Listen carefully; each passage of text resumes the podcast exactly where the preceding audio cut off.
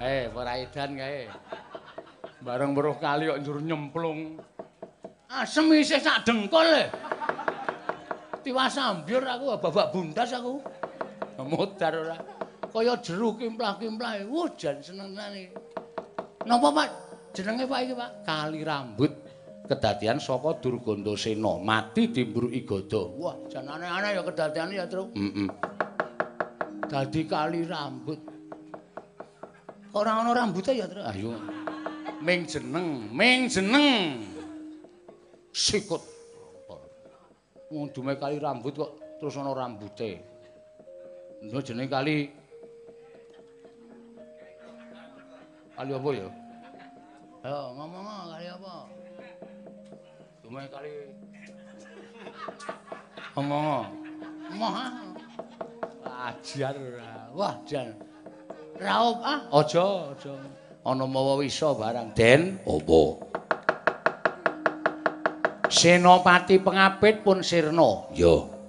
Niki mboten dangu mesti bakal timbul senopati jatosipun inggih menika ingkang raka ing Awangga.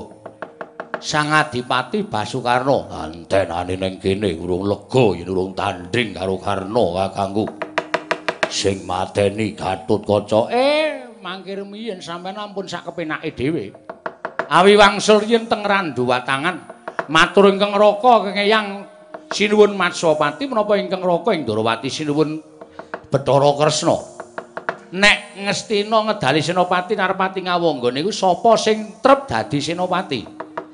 Aku sing bakal njaluk dadi Senopati. Manut karo pujanggane ampun sak kepenake dhewe. Manut kalian Kang Raka. Wah, yo Semar, ayo bali dhisik. Monggo kula dherekaken, Ndara.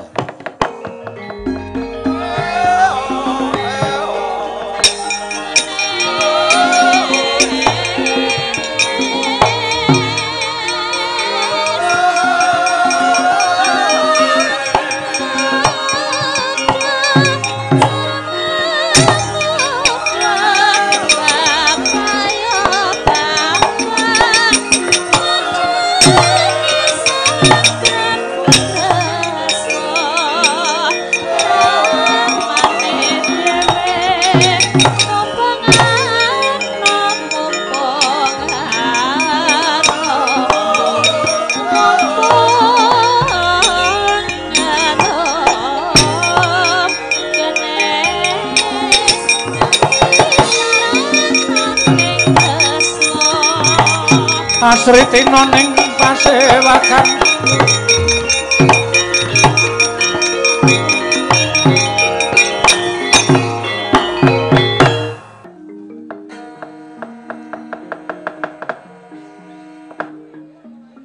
Ya jagat mangestungkara wayah Bathara jagat. Garwaku wong ayu surti kanthi. Banget gawe mareming rasaku yayi nggon kula ladi marang pun Kakang persasat bejo bejaning wong lanang ora kaya kang sinandang dening Prabu Karna. Surti kanthi jebul kabeh mau sinandang dening sira yayi wong ayu jejering garwa mono rong pribadi ingkang wis dadi sak badan. Loro-lorone duwe ancasing urip ingkang wis ditunggalake. Mula pun kakang kudu menehi kawigaten ingkang milunggan malayan perlu kudu menehi rega kang luwih larang ya kanthi cara mengkono pribadi loro ingkang wis bener-bener nyawiji kukuh bakuh. Ora gampang dipisah dening apa wae. Nanging pagene ya siadi sajak ewa nggonmu mapak tekaning pun kakang muragage kowe matura. Surti kanthi. Sanget andadosaken kageting manah. Dene paduka kepareng rawuh dhateng negari ngawangga Mungko nyatanipun nedeng netepi jejering wajib. Ngayahi jejibaning dharma minangka dados satriyaning negari Ngastina ingkang katemben menika nedeng lampahi perang ageng. Tambuh-tambuh pangraosing manah. Mila boten kendhat anggenipun ingkang rayi tansah meminta dhateng panguwasaning Wang Bathara Luhung supados paduka kakalisna saking bebaya wonten madyaning Bratayuda Jaya binangun sinumun surti kanthi wonten timbalaning adawuh tumanggaping rasamu banget nggonmu menehi kawigaten kang luwih marang pun Kakang. Kene mara nyaketa kene po tak jarwani jati ning lelakon. Nggone pun Kakang kondur marang negara Ngawangga. Yayi. Mesti wae sira Yayi wis ngawruhi lamun titi mangsa kala iki Bratayuda Jaya Binangun wis dumadi. Malah wis akeh senopati ning Kurawa kang lan uga senopati ning Pandhawa ingkang wis gugur ana ing madaning peperangan kalebu ingkang nembe wae kelakon yaiku kadangmu Yayi Dursasana ingkang kasambuting Rana Madyalaga mati siya ana jroning peperangan sengkeling penggalih Yayi Prabu Duryudana krana sedaning kadang sentana miwah pinisepuh wekasane dina iki pun Kakang netepi jiwaning senopati lan prajurit nedya madeg soraning driya ana ing peperangan anyena patening Yayi Prabu Duryudana ngrabasing para kadang-kadangku Pandhawa. Ana jroning Bratayuda Jaya Binangun. Mula pun Kakang Kundur iki sayekti mung kepengin mundhut pamit. Marang garwaku Yayi Surtikanti dina iki pun Kakang bakal maju. Ana ing peperangan netepi darmaning satriya. Wong ayu Surtikanti. Ing Punapa ta mira ingsun prihatin waspa gung mijil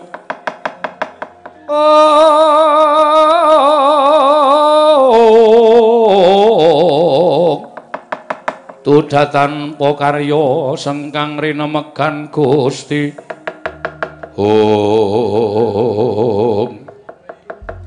Estunipun dereng kemawon paduka sinuwun maring dawuh. Yektosipun ingkang rayi sampun saged ananggapi menggah menapa kersa jengandika. Dene kundur wonten ngawangga menggah mekaten raosipun dados garwa jejering senopati ingkang sakwanci-wanci kedah nyabrang wonten ing peperangan nadyan ing pangraos kumedah ikhlas lair lan batin namung nyatanipun awrat menawi nampahan sinuwun. Prasetyaning manah ingkang rayi mboten badhe saged tinilar wonten ing ngawangga nadyan wujuding pawestri namung nglenggahi jejering garwa senopati inggih rayi mboten badhe kantun. Tuwin mboten badhe miris satemah maras sabab badhe nyumurupi muntrating marus. Mila sinuwun menawi paduka badhe tedhak wonten ing peperangan keparenga enggalih anganti dhateng ingkang garwa pun surti kanthi oh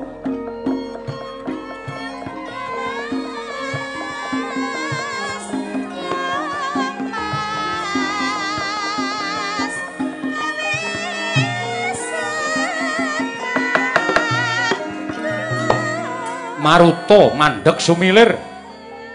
Gegodhongan gogrok dereng winanci sesekaran samya alum. Balumbang dadak asap kang tirta. Lesu lesah tanpa daya labet kaperbawan. Duh kitaning sekar puri nenggih sang dewi surtikanti. Surem-surem kekuwunge wadana layu tias kengis kabacan tis-tis ujwala maru saking sangeting rudatin sang kang sinawang kaya wis koncatan rasa endah. Satemah mahanani kuwur bali uring budaya. Dintrim sepi samun madyaning puraya pendhapi negari ngawangga ing kapirsa mung kenthongan pring ingkang uluk-uluk kumenclang mungguing tawang. Yen to rinasa kaya sasmita lamun ana nyawa ingkang wis ora krasan mapan ana ing ragane dingkem kang netra sang dewi. Kaya datanku apa hambendung wijiling waspa. Ingkang kaya tangkis dadal. Nalika semanten cinaketan alendra ing ngawangga kaya datan saged pisah kelawan memanoning ati. Tajem penyawanging nata ngawangga sang adipati karna dumateng keng rayi nenggih sang turti kanthi lon-lonan sigra linenggahaken sinambi ing aras palarapaning sang Kusuma Ayu. Dadi ayem jinem jenjem telenging penggalih sang dewi. Sinartan riris arus pangandikaning sang nata ing ngawangga sang adipati Basuwarna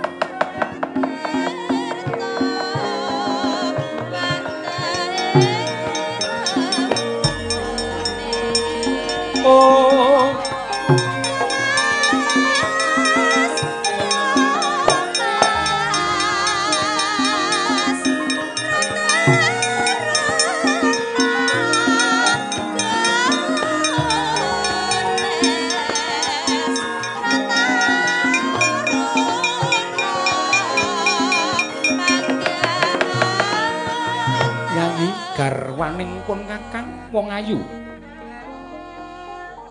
Wiwit brasaka gua garwaning ibu pun Kakang kuwi wis cinadang dening panguwasaning Wang Maha Agung. Karna kuwi besuke dadi jejering senopati ning prang negara Ngastina. Wondene senopati mono kewajibane memayu hayuning praja, ora beda kaya dene pun Kakang.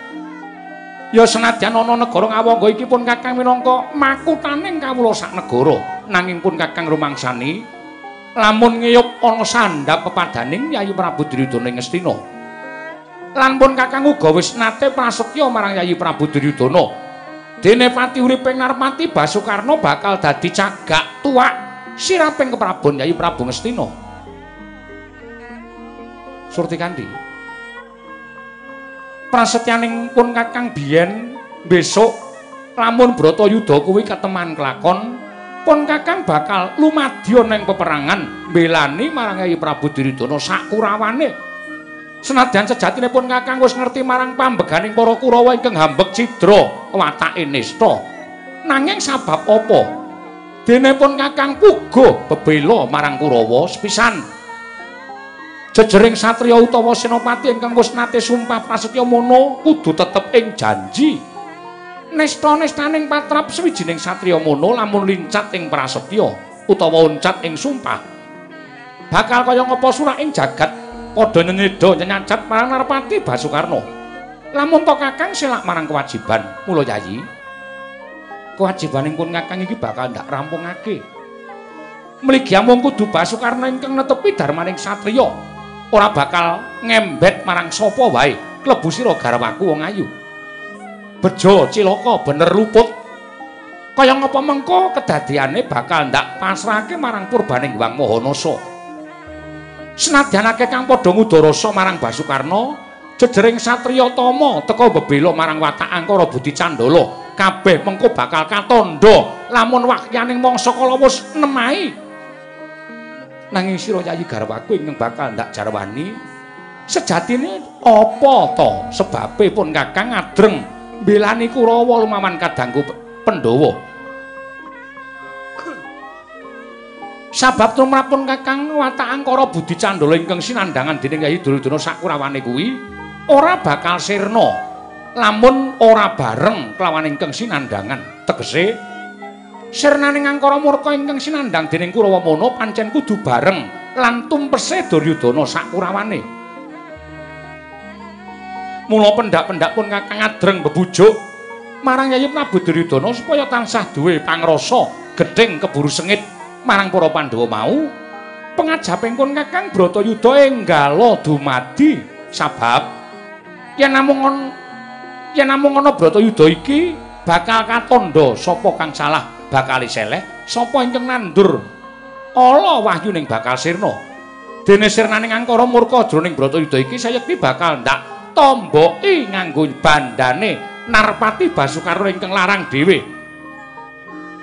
Bakal ndak tombok nganggo bandane bojomu sing larang dhewe. Tentreming jagat raya iki bakal tak tomboki nganggo nyawane Basukarna Surtikanti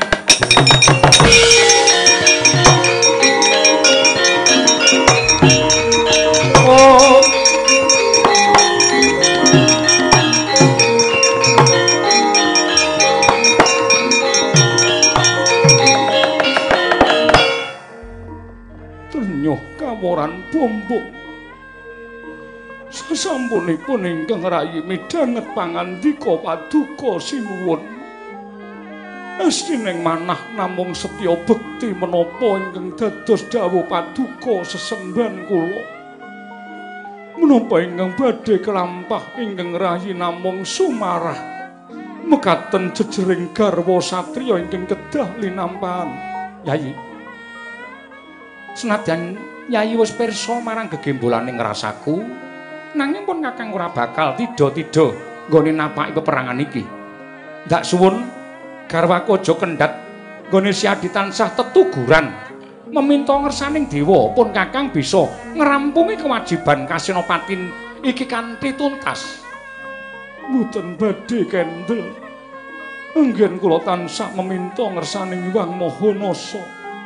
Tuwin boten badhe medal saking sanggar pelanggatan menawi paduka dereng ketingal kondur dhateng ngawangga sinuwun. Ya. Pun kakang cawisna hermawar pitung jembangan. Pun kakang nedya siram jamas surti kanthi monggo sinuwun kula ladosi sesembahan kula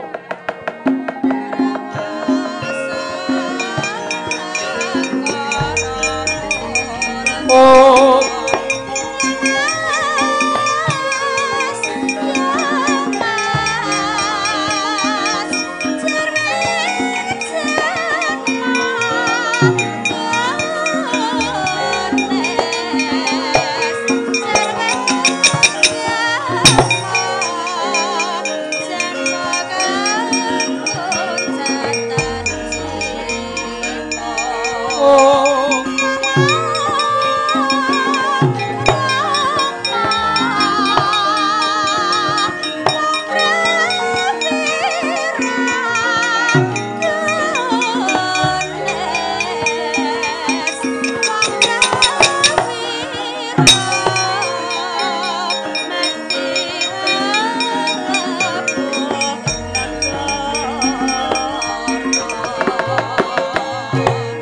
Lukar busana kasatriyan.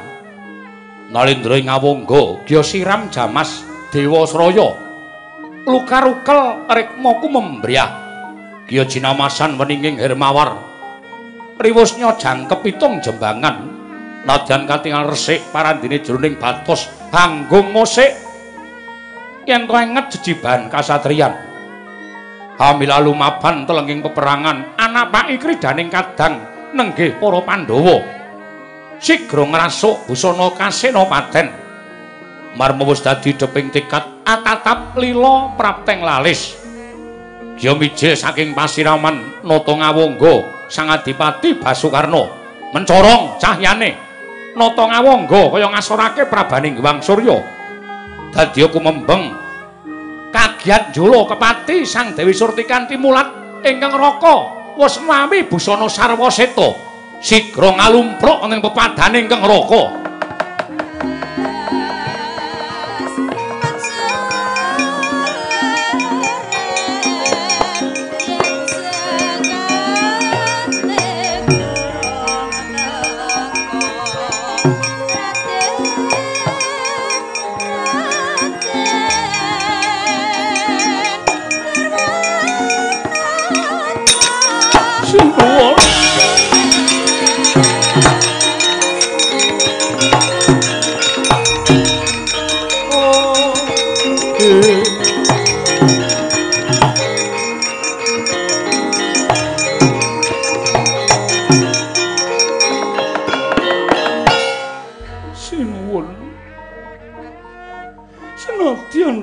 awit sampun budidaya nata dhateng manah kula.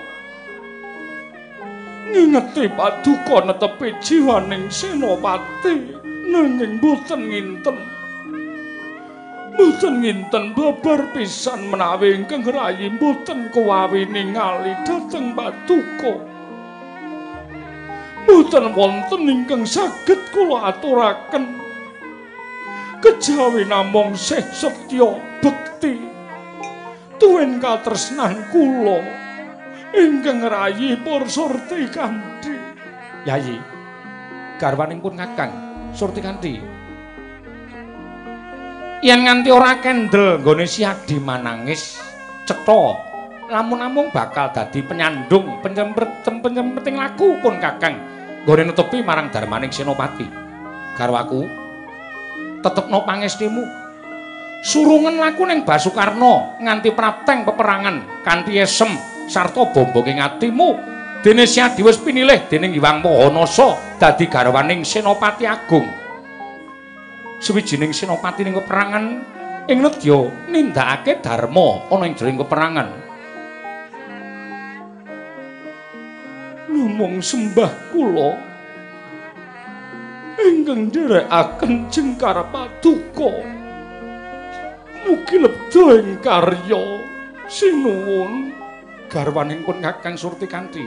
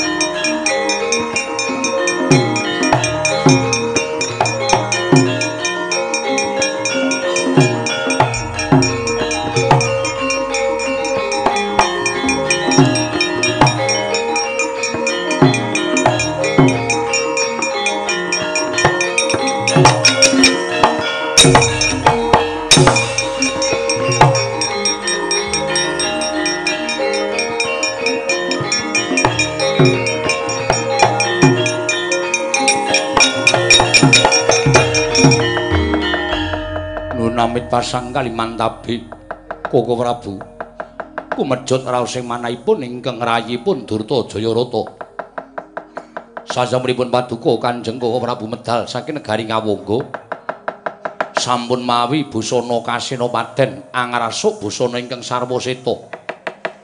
Miwah kekalung sekari nunce menika mengku suraos ingkang kados pundi Koko Prabu Yayi kadangipun Kakang Durta Jayarata wonten timbalan ing adawuh Patih Hadi Manggala wonten timbalan sinuwun. Mban Sambeka wonten dawuh sinuwun. Padha mirengna yen to wektu dina iki panjenengan ingsun wis dinapuk dening Yai Prabu Duryudana. Minangka dadi senopati ning Kurawa mangrurah kadang-kadangku para Pandhawa. Mula aja nganti padha cilik atimu padha bombong-bombongno rasamu dene sira nderekake marang senopati agung lajeng para paduka Kanjeng Koko Prabu kados pundi? Yai Durta Jayarata. Gandeng Senopati pengapit ingkang siji wis ana ya kuwi Raden Durgandasena. Mula Senopati pengapit kurang siji. Sira Yai kadhawuhipun Kakang ndak dadekake Senopati pengapiting pun Kakang. Bombong tanpa pepindhan anggen kula badhe andhiraken jengkar paduka Kanjeng Koko Prabu. Patih Hadi Manggala wonten timbalan ing adawuh. Aja nganti keri nderekno marang panjenengan ingsun. Anggen kula suwita dhateng paduka Gusti kula ing Ngawangga mboten namung wonten ing Madyapada. Raos bingah manah kula menawi kula saged nderekaken anggen paduka mapan wonten ing Loka Baka Benjang kula tetep badhe suwita dhateng paduka. Mban sambeka wonten timbalan sinuwun. Ndak jaluk dhisik ana lakumu ning Tegal Kuru Kasetra.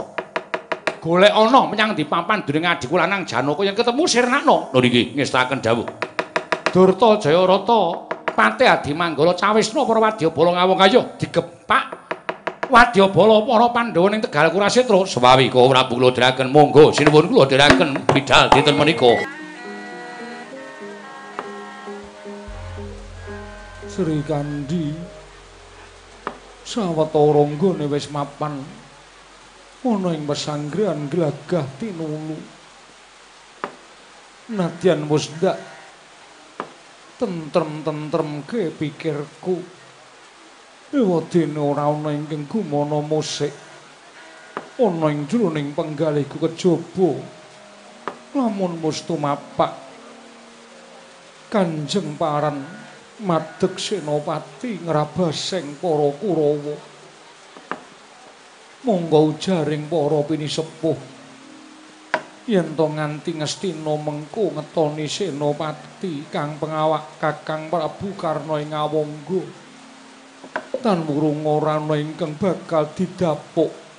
Minangka senopati ning Pandhawa kejaba mung Kanjeng Paran Sri Kandi.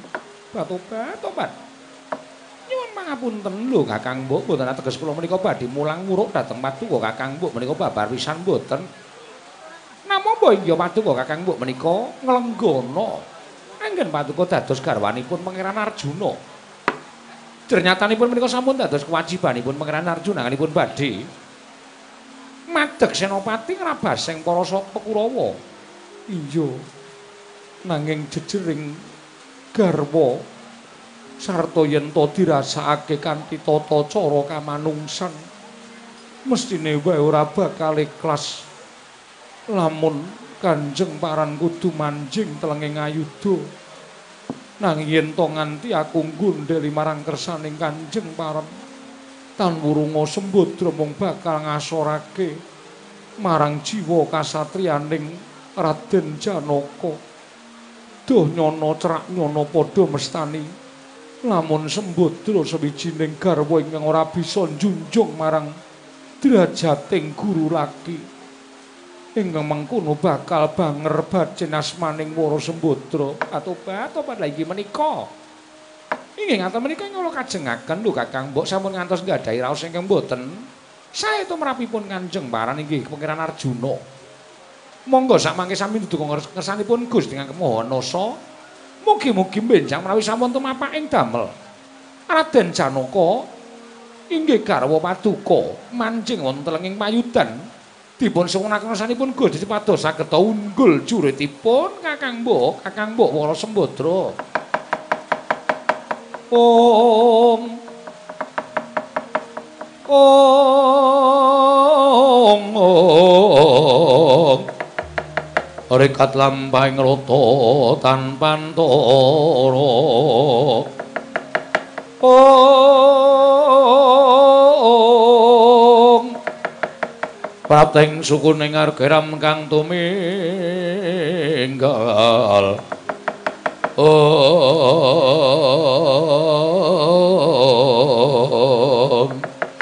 Om.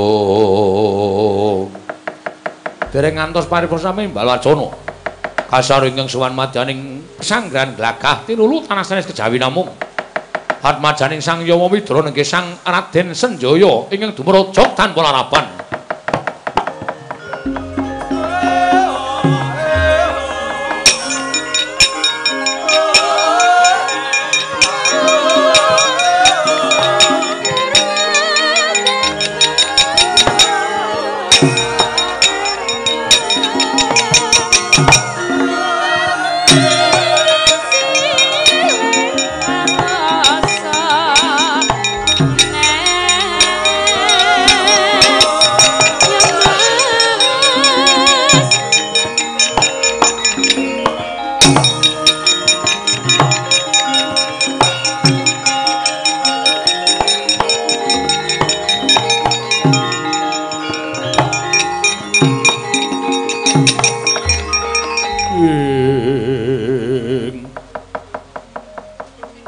Samar pamoring sukma. Sukma sinukma ya winah ya wingasepi sumimpen telenging kalbu. Ong.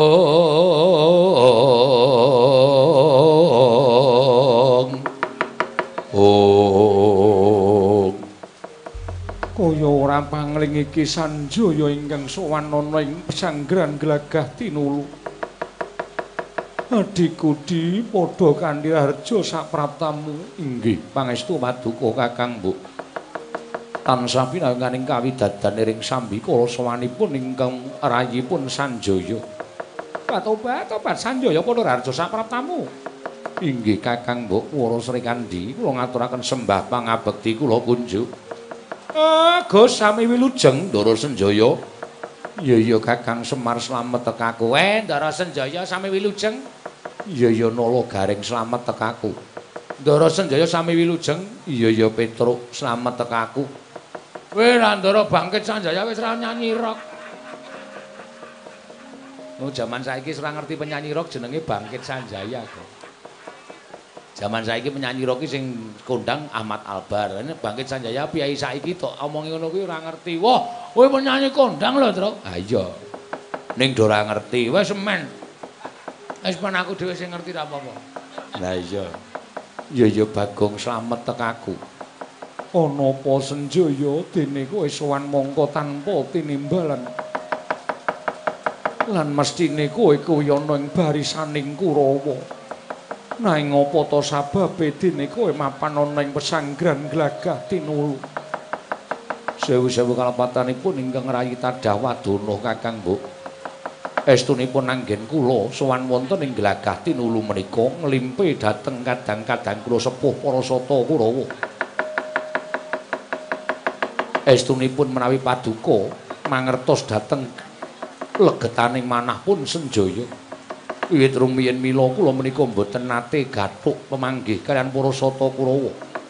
Ning krana srawungipun senjaya menika kalian sata Kurawa mila katelah kula menika wonten barisaning mengsah. Namung sejatosipun mugian dadosna ing kawuningan. Bilih sekedhik kemawon kula menika mboten gadhahi ceceking raos kula ambelani dhateng Sata Kurawa. Malaistunipun kula menika mboten cocok tuwin mboten mathuk kaliyan pemanggipun para Sata Kurawa, tumuli kula minglar saking barisan Kurawa. Nedya manunggal kalian barisaning Pandhawa, mila dinten sak mangke keparang mboten keparang. Kakang Mbok, kula badhe manunggal kalian kadang-kadang kula para Pandhawa.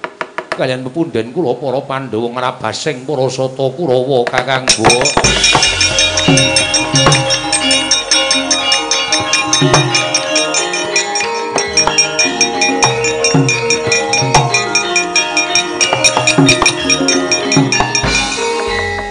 Tobat-tobat senjaya. Kula wonten maring adhawuh.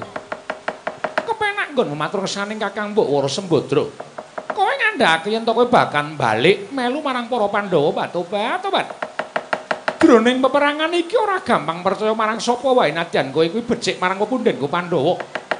Nadyan kowe kuwi becik marang pepundhen-pepundhenku para Pandhawa nanging nggonmu matur ana kersane Kakang Mbawara Sembadra iki wis dumadi perang gedhe Bratayuda. Terus sadurunge perang biyen kowe ewuh apa coba aku tak takon karo kowe.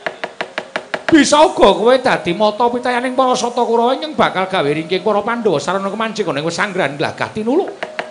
Mula kang sangka kuwi ya Senjaya, kabeh sing dadi aturmu ora bakal tak percaya. Kowe bisa manunggalkan para Pandhawa lamun kowe bisa nyirnake Senopati Ngastina Senjaya. Kula nyuwun pamit Kakang.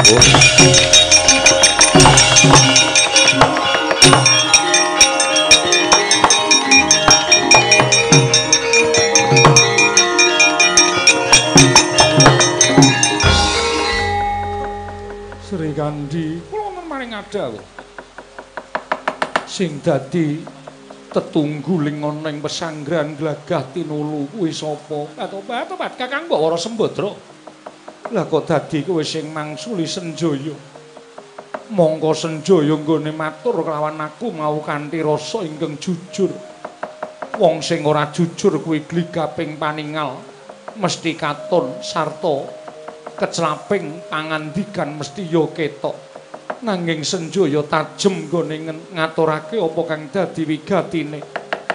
Lah kok dadi malah kowe ora percaya marang Senjaya? Sri Kandi, Sri Kandi. Kasetyaning Senjaya marang para Pandhawa kowe wis diketokake. Duk nalika Pandhawa biyen diobong ning bale sigala-gala. Yen ora ditulungi dening Senjaya tangeh Pandhawa bisa urip. Lan marambah makaping-kaping Senjaya tansah gawe mulyaning para Pandhawa. Lah kok dadi kowe malah ngunekke Senjaya kudu nganggo bukti supaya iso mateni Senopati Ngastina. Monggo Senopati Ngastina dina samengko ya kuwi Kakang Prabu Karna tegese kowe nglaropake patine Senjaya. Sri Kandi, Sri Kandi yen ana apa-apa ana dukaning Pandhawa mara sangganen dhewe. Kebangetan kon ora percaya marang Senjaya Sri Kandi Sri Kandi kula nyuwun pamit Kakang Mbok kula pamit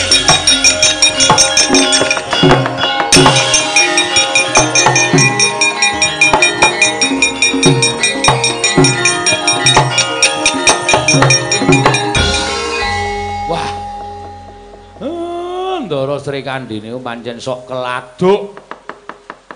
Ndara Senjaya lahir batin nggone kepengin melu Pandhawa ngoncati barisan Ngastina ning ora ditampa malah dicocok atine.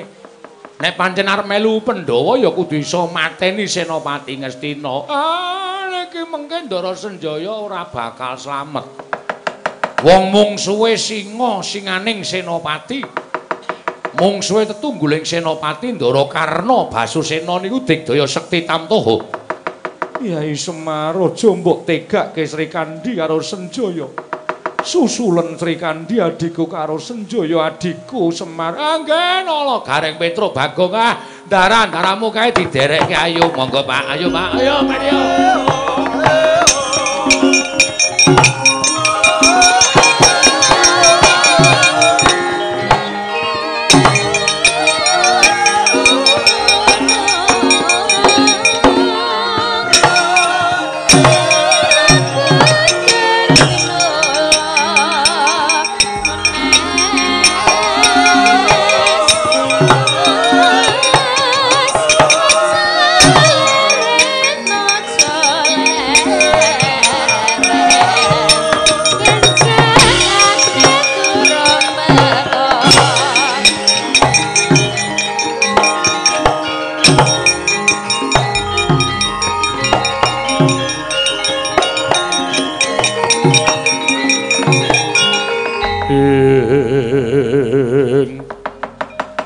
Caca muntap ler kinetap duka yayasine pe.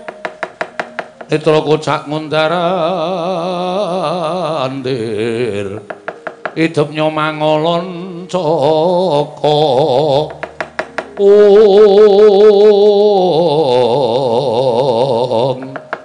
Om. Kakang Mbok Wara Sri Kandi banget nggone ngias marang lair batine Senjaya. Nganti aku kudu mbuktekake yen to nggonku bakal manunggal kan para Pandhawa. Kudu nganggo bukti kuwandaning Senopati Ngastina. Aja mbok anggap Senjaya jirih getih wedi mati. Kakang Prabu Karna Basusena wis madeg dadi Senopati ning Kurawa. Ayo iki Senopati Pandhawa. Atmajaning Kanjeng Rama Yama Widura aku senjaya sirnakna leganing atiku tinimbang kelepetan dosaning Kurawa Prabu Karna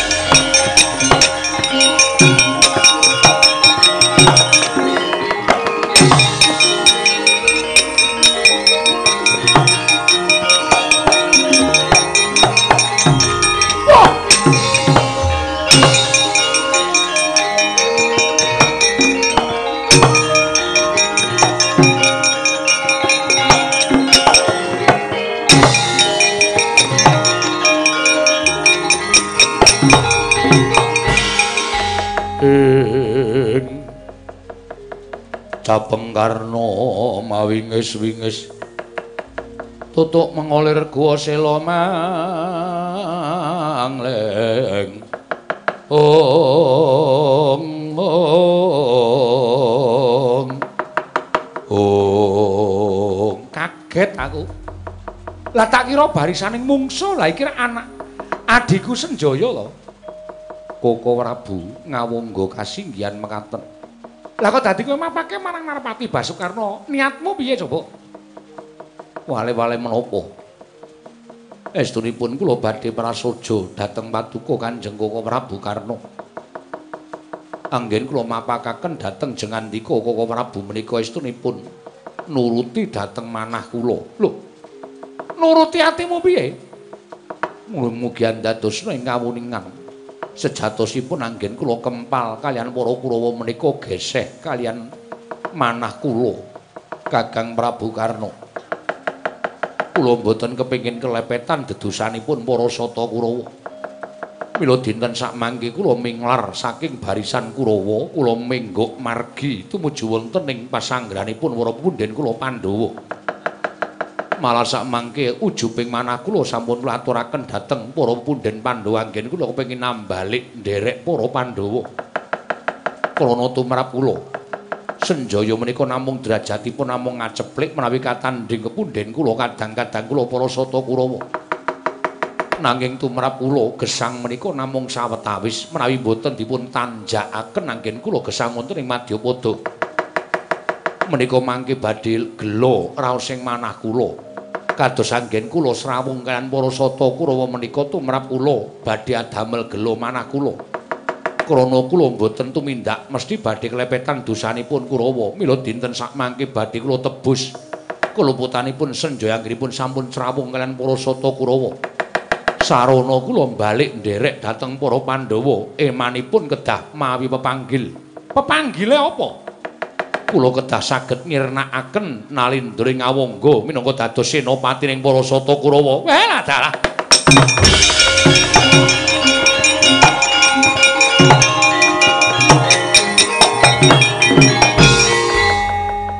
Anu semaning iblis kowe. Lah kok dadi kowe menceng kalawan jiwaning kasatriyanmu Senjaya? Hmm? Kowe ora kelingan, kowe urip diuripi dening Nalendra Ngastina. Kowe urip diayomi dening Nalendra Ngastina lha kok dadi kowe saiki kowe malih tinggal melu marang para Pandhawa. Kowe wong sing ora weruh marang kabecikaning liyan. Kowe wong sing ora weruh marang kebajikaning para Kurawa lan kabejane Kyai Prabu Diridana. Kowe saiki malah rembelani para Pandhawa, malah kowe sago, semago lahir lan batinmu bakal nyangking mestakaning Narpati Ngawangga. Oh, Senjaya, Senjaya kowe iki bayi wingi sore. Le arga menang karo Narpati Basukarna wae apa? Si Arta go menang karo Senopati Ngastina wae apa? Ya lek pancen karo mungsa Karna aja ndodok kaya wong wedok kaya ngono. Ngadeka jejeg.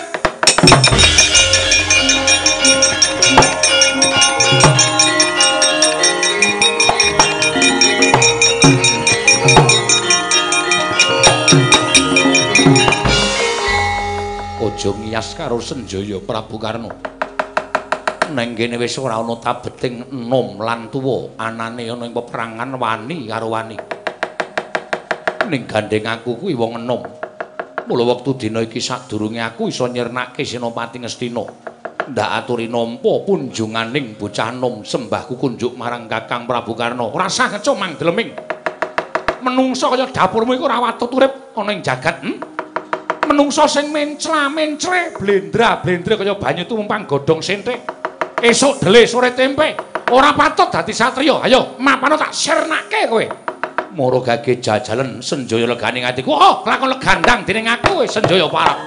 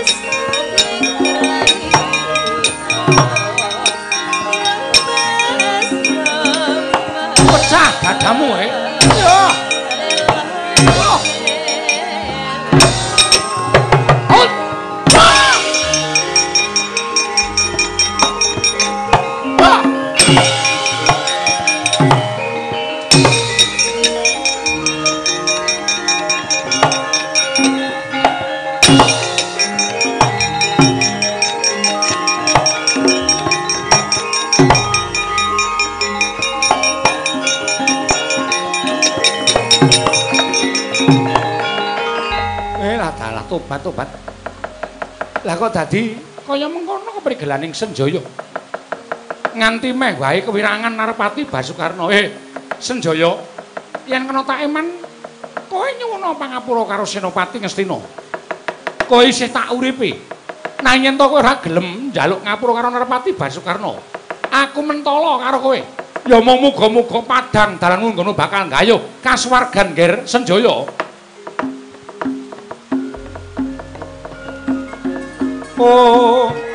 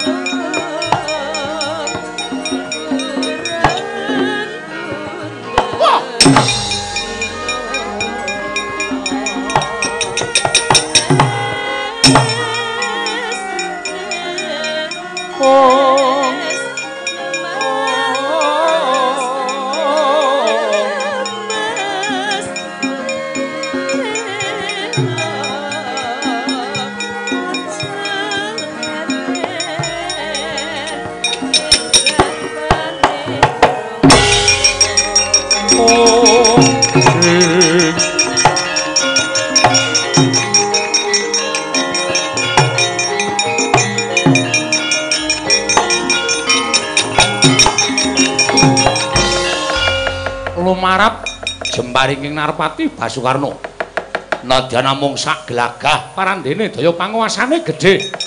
Tumancep dadaning Sang Senjaya sumembur punang ludira. Nelesi Bantala nglumpruk tanpa daya dangu, dangu tingkem kang netra kendel keketeking jantung. Seda madyaning Tegal kuru kasit. Raden! kabeh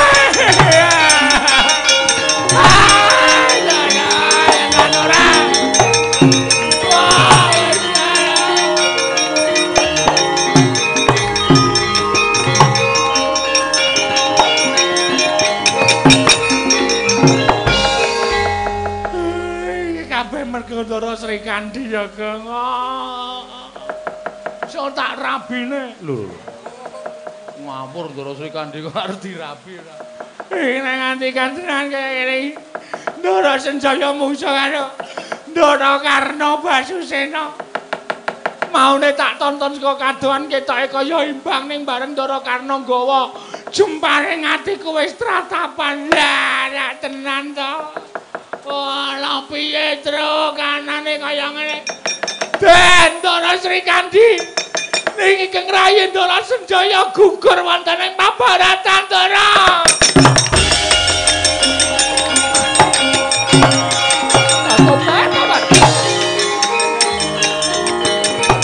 Niki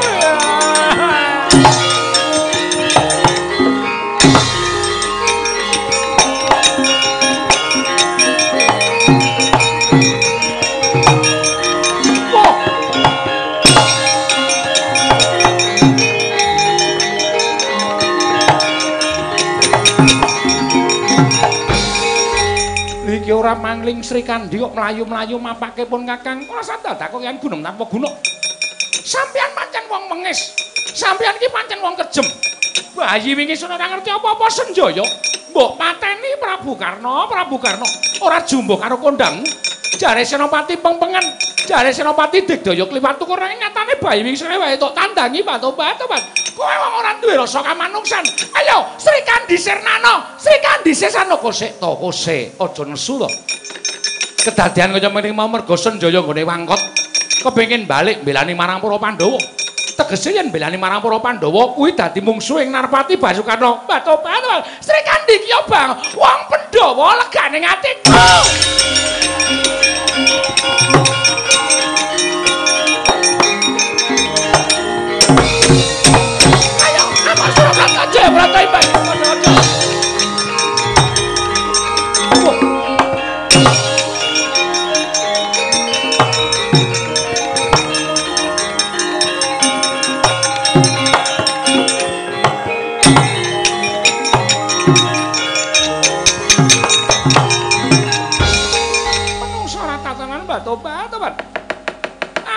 Diluputke mergo batine Senjaya.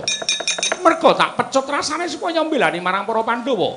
Ngaturake banggening Senopati. Ngastina nang tinemune Senjaya tekaning pati batu-bat Kakang Karna Basusena. Kuat nadai pusakaku aku meguru karo kowe selawe taun Kakang Karna Basusena parek.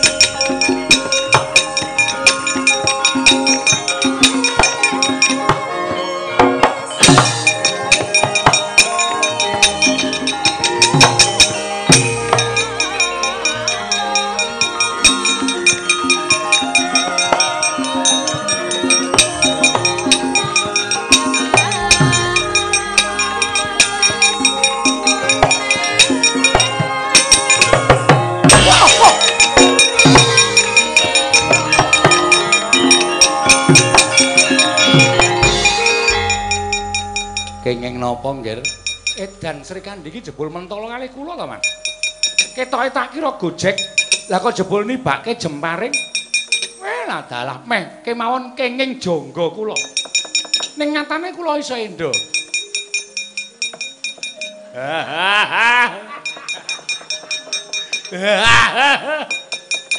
Paman wonten menapa? Kok gumujeng? Ajeng matur mengke. Sampeyan isin. Nina kula mboten matur. Paman menika pate kok guyune lakak-lakak. Mbok menawi dipun sengaja kalian Sri Kandi. Lho, dipun sengaja pripun? Anggenipun nglepasaken jemparing. Nuwun sewu. Mboten dipun peneraken wonten ing jangga namung badhe damel ing semanak Prabu Karna. Lho.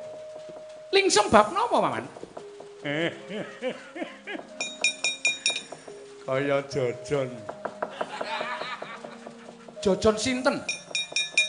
Latri mresani to. Latri mresani. Brengosipun ilang sesisih. Lho lho, brengos kula. Nggih. Wae lata. Hus.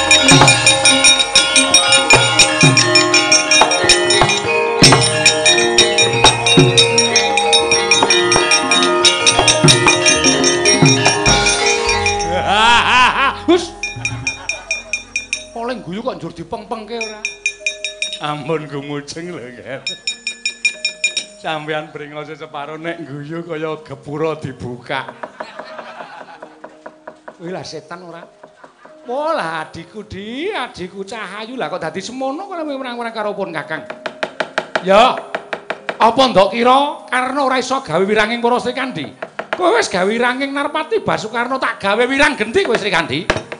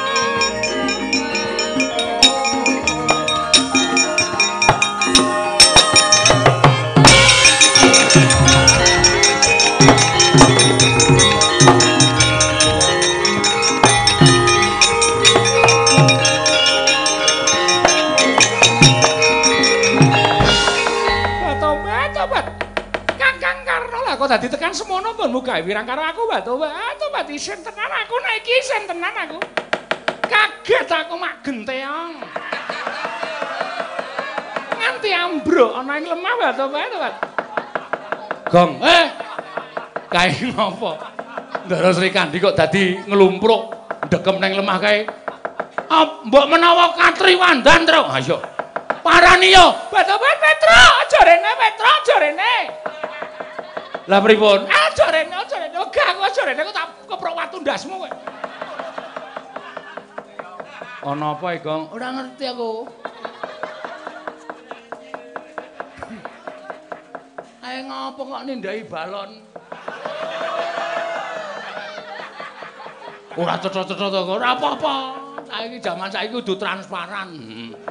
Batu batu batu bagong, ora dene bagong, ora dene gong, ora nekat gong, men, gong, kowe kusnani lho, bagong nak dupare yang, ora dene bagong, bagong wegah aku.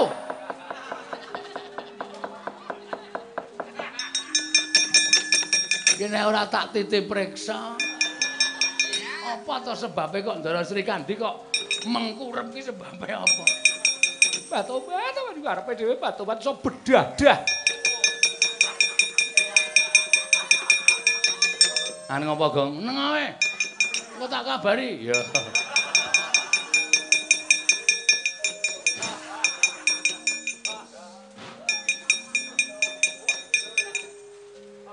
Udus. Ngopo Gong? Ngopo sikile kok ngewel?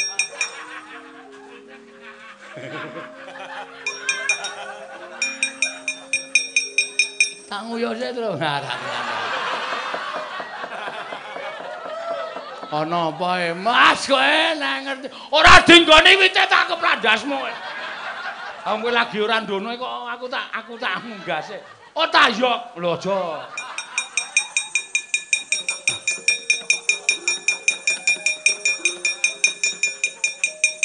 Gong gong gong.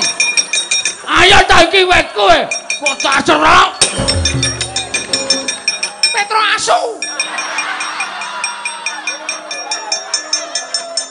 Modar pisui Ndara Sri Kandi. Ora kon rono ngeyel.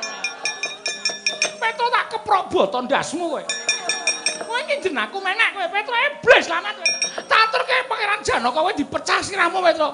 Kula niku niku ora ngapa-ngapa ajeng pek degan tiba.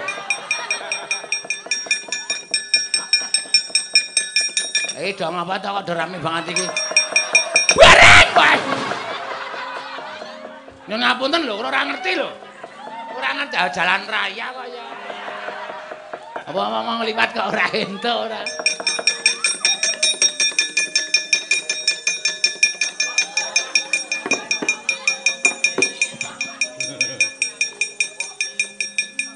Waduan.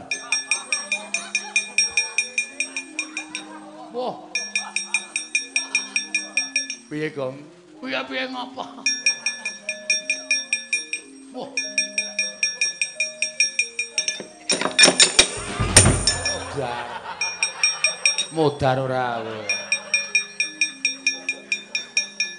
Terus, hmm. Kantep aku. Syukur wong kualat ngono kuwi. Aku kaya ora sadar nek dhuwur wit lepas tangan. Ora gocekan. Tiba. Karemu ora. Petro, Nun. aku njaluk sarungmu sesuai. Ah terus kula ngangge napa? Disuwek. Ora gelem disuwek tak sawat watus kok ngene kowe.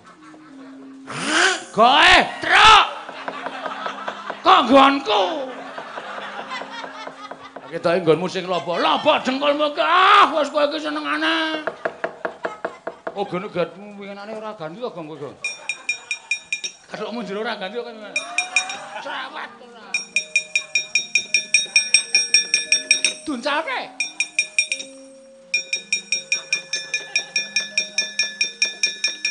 Batobat apa? Kakang Prabu Karno kok yo kebanten lho ya isa-isane lho. Bangetan le gawe wiranging para Sri Kandi. Iya piye?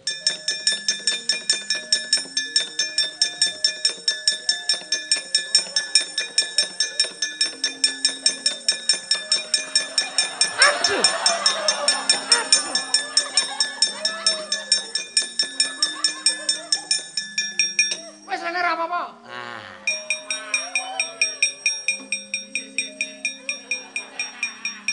Kenging napa e? Dipanah karo Kakang Karno. Oh, kurang ajar kok Karno iki.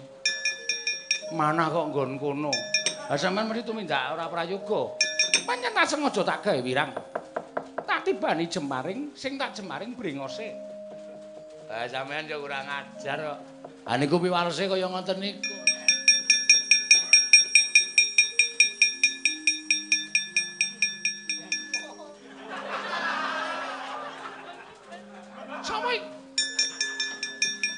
Bagong sen iblis kok ora. Jeru tro. Ah iya. Gejlek pitu. Ngendi? Sarabayan. Wedan. Sapa Petro? Bagong. Bagong rene. Bagong rene. Pripun? Culek matamu. Anggemu sembrono aku wis sapa? Ndara Sri Kandi. Lah kok dadi sembrono sampeanmu dhewe? Aku iki bendaramu kok sampeanmu dhewe?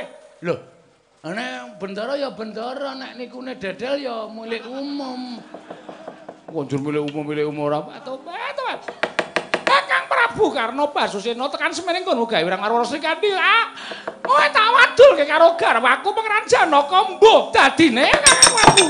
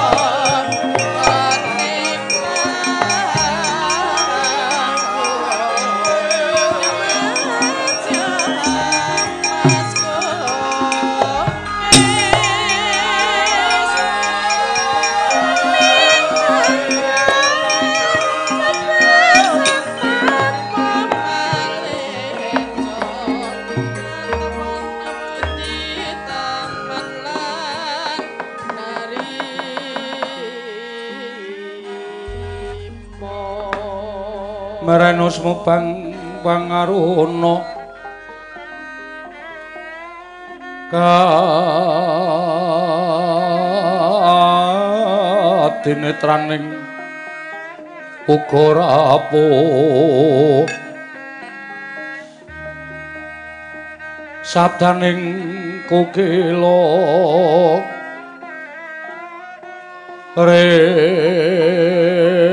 rengkanikara saketar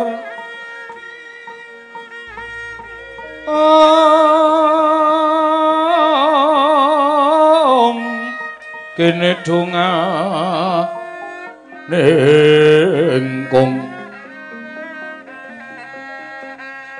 lir wowo sing pine panca om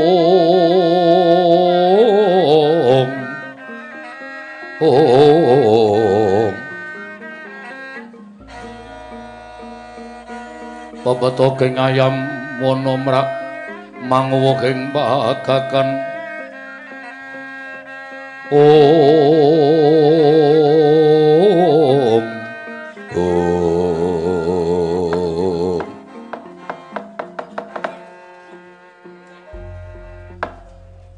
Kresna Wutu Prabu Ndarawati Nggih wonten dawuh Eyang Apa dene putuku Puntadewa Werkudara Janaka inggih wonten timbalan Kanjeng Eyang Yo Matsapati kakek kuwi wonten dawuh Kanjeng Hyang.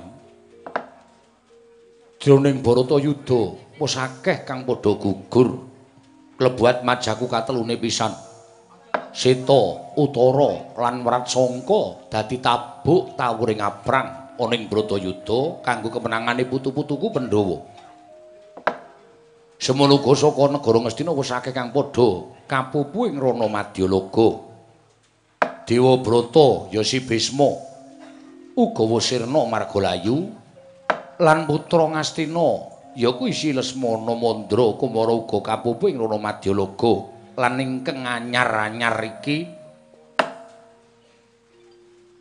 Kadangata satring Banjar Jungut si Dursasana ingkang dipotheng-potheng kuwandhane dening Si Werkudara. Yo. Merga nggonku wis ngampet pirang-pirang puluh taun. besok kapan aku bisa nyaur punagine dulur-dulurku marang si jahat Dursasana. Nanging kejaba saka kuwi ya nggir, Ponyang mung meling marang putu-putuku Pandhawa yen to dina samengko iki durung pundhat lakone, critane durung rampung. Tegesipun kados pundi, Yang? Lho, Putu Prabu Kresna kok malah nyuwun prisa kalawan Ponyang tegese piye? sing minangka dadi pujangganing Bratayuda kuwi Putu Prabu Ndarawati mesine pun yang bakal nyuwun priksa kelawan Putu Prabu Ndarawati nggih bab menapa? Sawise Dursasana iki tekaning pati miturut jangka miturut jangka lan lakon ingkang bakal kababar iki mau kepiye Kresna? Inggih.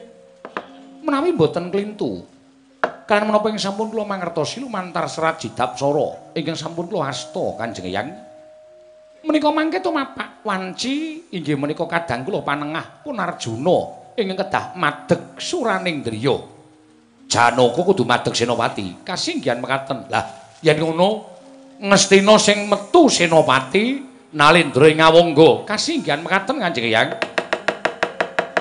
rekat lampahing rata tanpa antara ong ong prapteng sukuning arga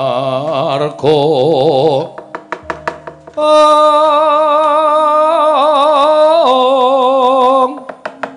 eram kang tuminggal dendeng saengga praja.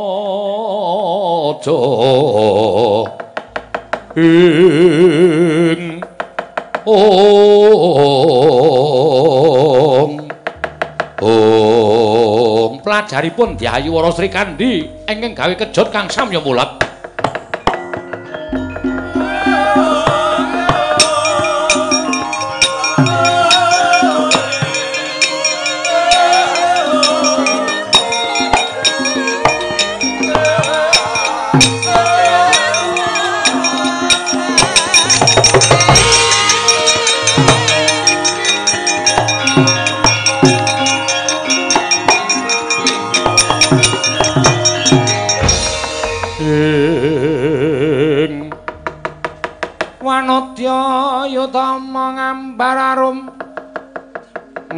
arum sang kusuma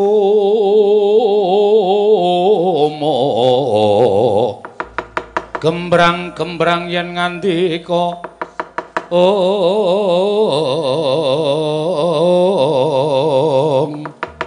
om. Sri Kandi lah kok dadi kowe nganggo kemul? Sining kepan nganti kebak kaya ngono kuwi piye? Ana apa Sri Kandi? Ketiwasan Kanjeng Eyang. Duh nalika semono kula menika ngrencangi dhateng Kakang Mbok Ayu Wara Sembadra mapan wonten ing pesanggrahan Glagah Tinulu. Nalika semanten mboten kanthi kanyono-nyono nampi sawanipun inggih menika pun Yayi kula kadang kula pun Yayi Senjaya. Ngendikaken bilih badhe balik tumut para Pandhawa tumunten lajeng kula ingkang nyuwun bukti bilih Senjaya menika lahir batos anggenipun manunggal kan para Pandhawa. Sarana kula nyuwun bandanipun tuwin mestakanipun Senopati Ngastina. Senjaya majeng wonten ing Mabaratan tumunten aben ajeng kalian pun Kakang Prabu Karna ing Awangga. Nanging sepinten to bangganipun Senjaya. Samangke kadang kula Yai Senjaya sampun kapuping lono madya loga gugur madyaning Mabaratan. Weh, lah Lah kok dadi malah ngembet ingkang sak mestine dadi sentananing Kurawa malah uga tekaning pati merga kepengin balik melu marang para Pandhawa. Inggih kasinggihan mekaten. Tumunten kula aben ajeng kalian pun Kakang Karna ing Awangga. Nalika semanten kula pasaken jembaring. Nanging mugi andadosna ing kawuningan Kanjeng Hyang jebul epeh sanget gedhoanipun Narpati Basukarna ing atasipun Senopati ing atasipun Nalendra Kondang Kaluka jebul nglepasaken jembaring. Nanging boten dadanipun Sri Kandi ingkang tinuju. Nanging kesemekan kula dipun dedel ngantos kados mekaten kawontenanipun. Kula kewirangan wonten Tegal Kuruseta Kanjeng Hyang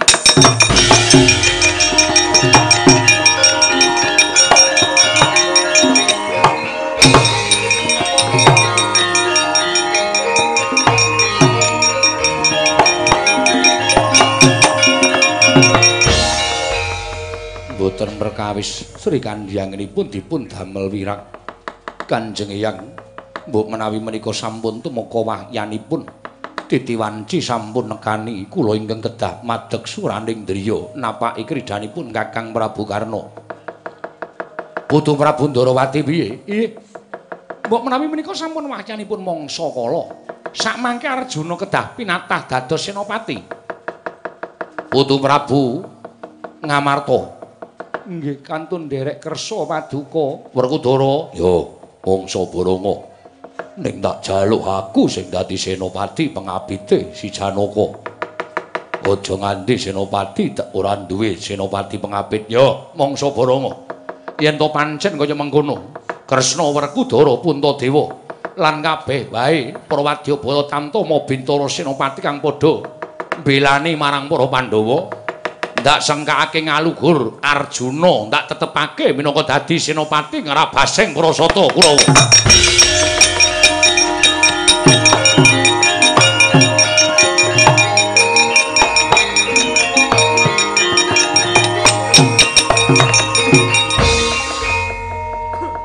ngaturaken panuwun ingkang tanempa pepindhan Kanjeng Hyang. Inggih mangkaten kelalono ingkang wayah nyuwun pamit suruh ditingati-ati ya Arjuna. Duga-duga digawa. Sing prayitna aja nganti lena nuninggih ngestaken dawuh. Koko Prabu kula nyuwun pamit. Iya ya Dimas. Surti ati-ati Koko Prabu Ndarawati Yayi Arjuna piye? Monggo. Ayo tak tutke Yayi Janaka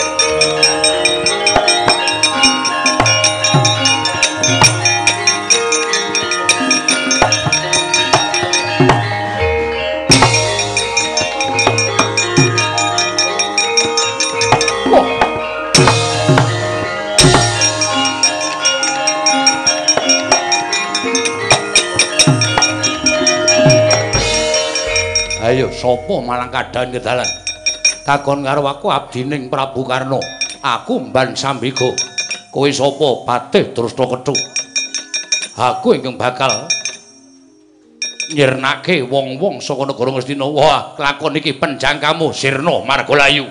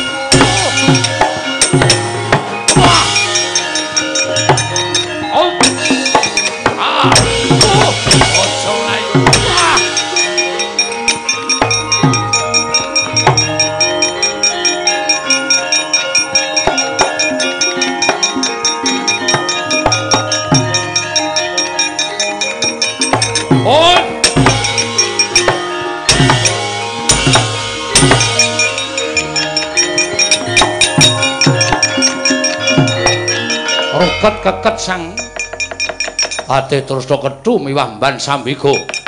Nalika semanten oyane yo baskara titi mangsa. Kekalipun wis titi manci telas tulise pecah sambyo madyaning tegal kuru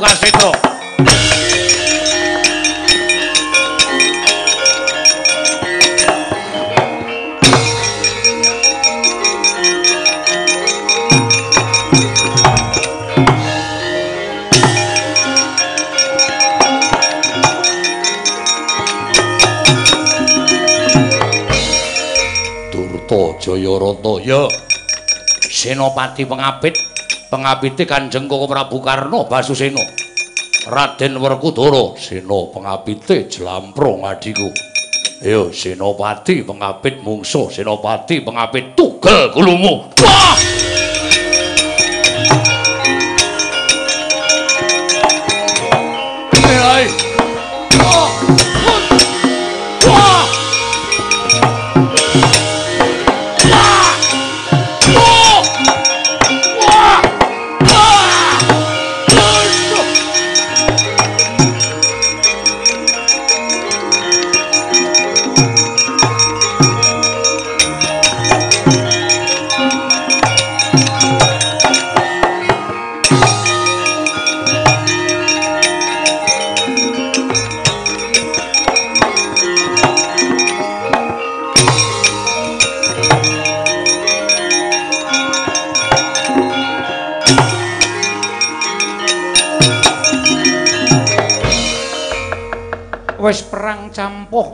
wadyabala Pandhawa lan Kurawa Janaka kasinggihan mekaten.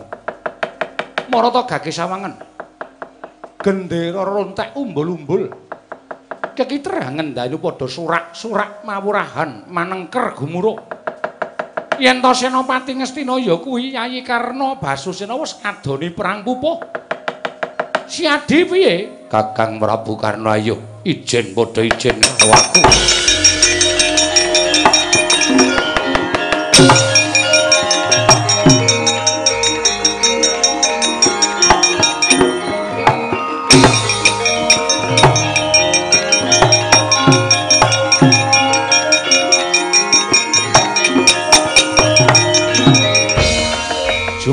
Sang Arjuna.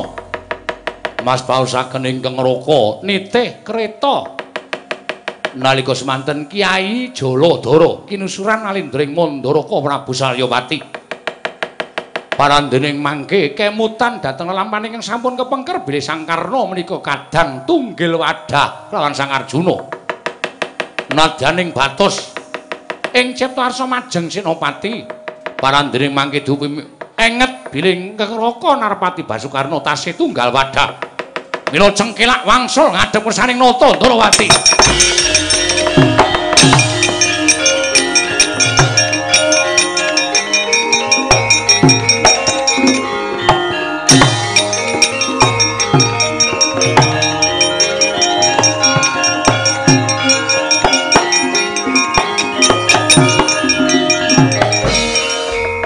Kresna Sinayeng manglung mintonaken. Mintonaken dewe kramanira. Kanggo mitiraning asta ing ong ong Arjuna kula wonten maring adawuh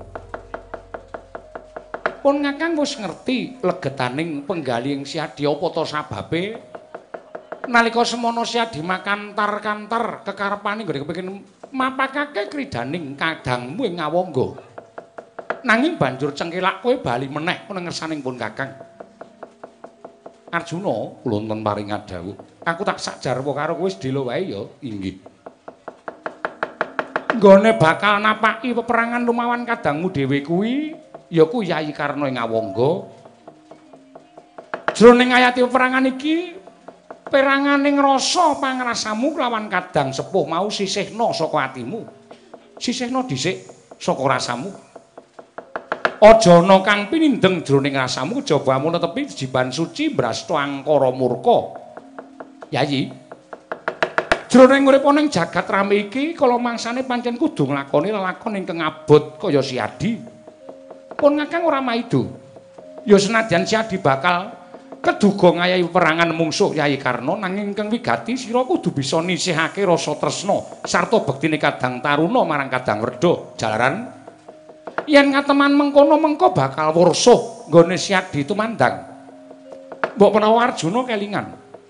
Bola balipun kakang maring dawuh jroning gayuh kanugrahan mono adat sabene pancen kudu ngorbanake rasa tresna. Elinga. Lamun iki wis manjing peperangan Bratayuda iki dadi lakuning Pandhawa nggone minangka utusaning adil mbrasta angkara murka ingkang sinandhangan dening Kurawa. Sapa wae ingkang madhek ana ing barisaning Kurawa nadyan kuwi pepunden apa dene kadang dhewe? Kaya dene Yayi Basukarna kae tetep kae dadi mungsuh ingkang kudu mbok sirnakake. Elingan lamun kemenanganing Pandhawa besok bakal katondo dadi tengara binuka wiwara jagat anyar ingkang bakal tentreman ewoning kawula padha angrantu ngenteni babaring lelakon Bratayuda iki.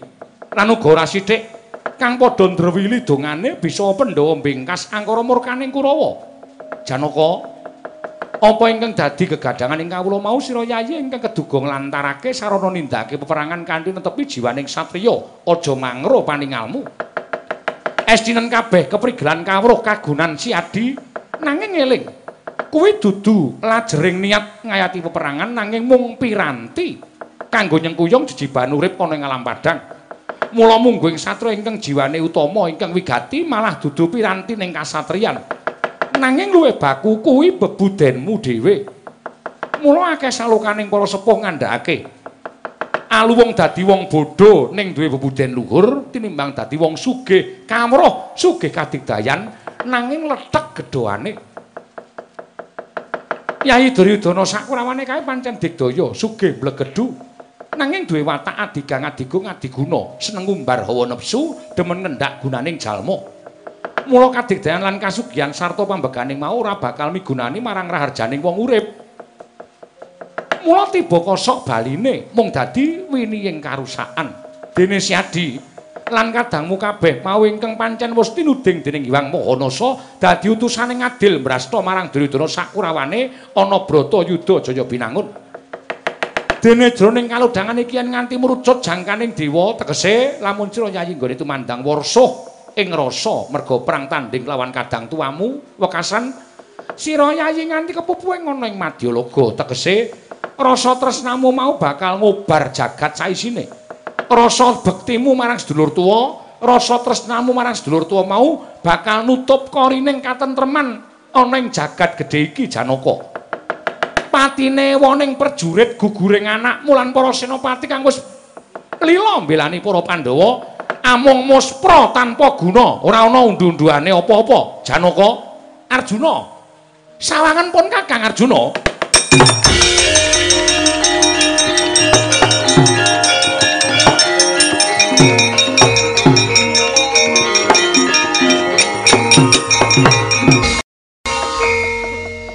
Manah sampun boten saged tumulih malih.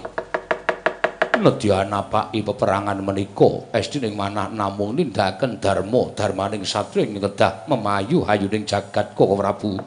Adikku di adikku cah bagus. Pisan menewelingipun kakang ya. Namun mengko si adi sapejagong lawan kadangmu ngawangga pitungasing pun kakang iki eling-elingen nggih kepareng paduka kowe aja gelem dirangkul dening kakangmu sing tuwa kae. Nggih ngestaken dawuh Koko Prabu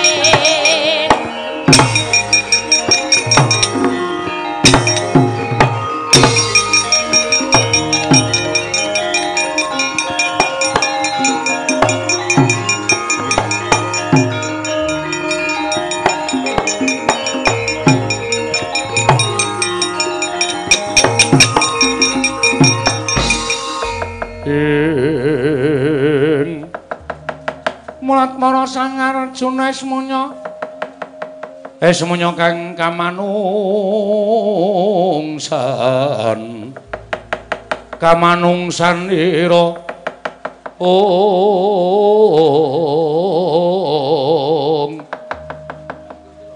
Om. Kadangimun ngakang Arjuna. Kula wonten paring dawuh. Kosek Aku tak takon karo kowe kowe iki janjane satriya apa dudu to? Hmm? Bareng ketemu pun Kakang Nadring keperangan daling reh kasatriyan sedaya bar. Mbok anggap aku iki wong loro saudon telu saurupan.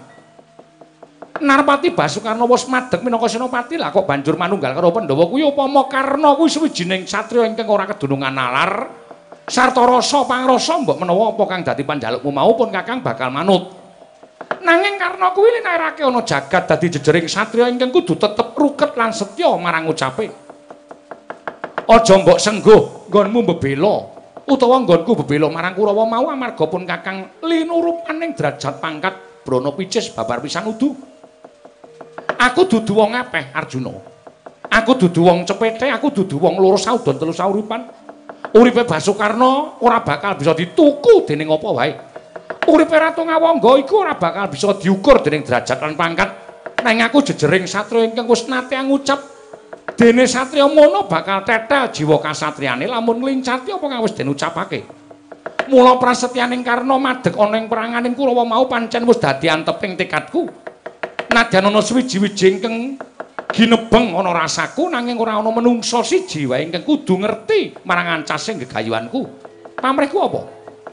dimen jagat iki ingkang nyurasa marang kesaguhaning Basukarna. Perkara bener apa luput kuwi mutu mrapaku dudu sambunganing antaraning menungsa siji lan sijine. Nanging bener luput mau sesambunganing antaraning menungsa kelawan ingkang gawe jagat. Jalaran ingkang asta bener sejati kuwi sarta ingkang wenang luputake tumindake titaun jana loka kuwi tumrapaku mung siji ya kuwi Gusti Kang Mahanasa.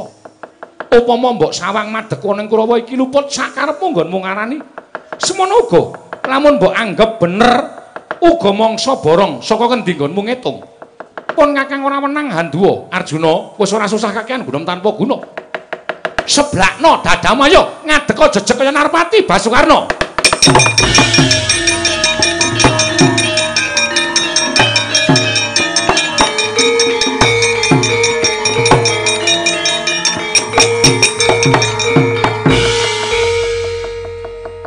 pangapura Kakang Prabu Karno. Wis ora kurang nggonku caos satur ngersaning Kakang Prabu Basukarno. Nanging tinemune wis pantuk kepuntoning tekad nggone mbelani marang para sata Kurawa. Aku ana ing barisaning Kurawa, kowe ning barisaning Pandhawa. Nang kene dipresani para prajurit, para tantama, para senopati kang padha bakal nonton kaya ngapa to kridaning panengah Pandhawa. sartane Senopati Ngastina. Mara gagayu jajalan legane atiku. Oh, kendarat dening aku kowe Janaka.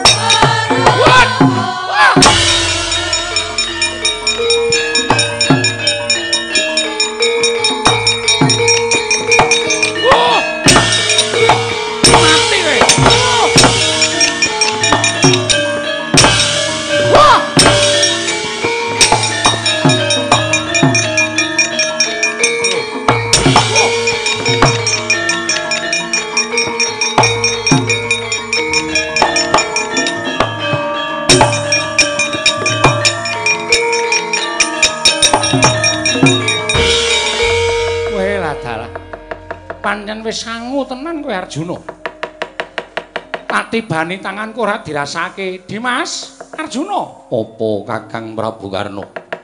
Ayo. Padha ngunggar siung ing Bathara Kala. Mula maju legane nganti kok tak ladeni sak kersaning Kakang Ngawungga.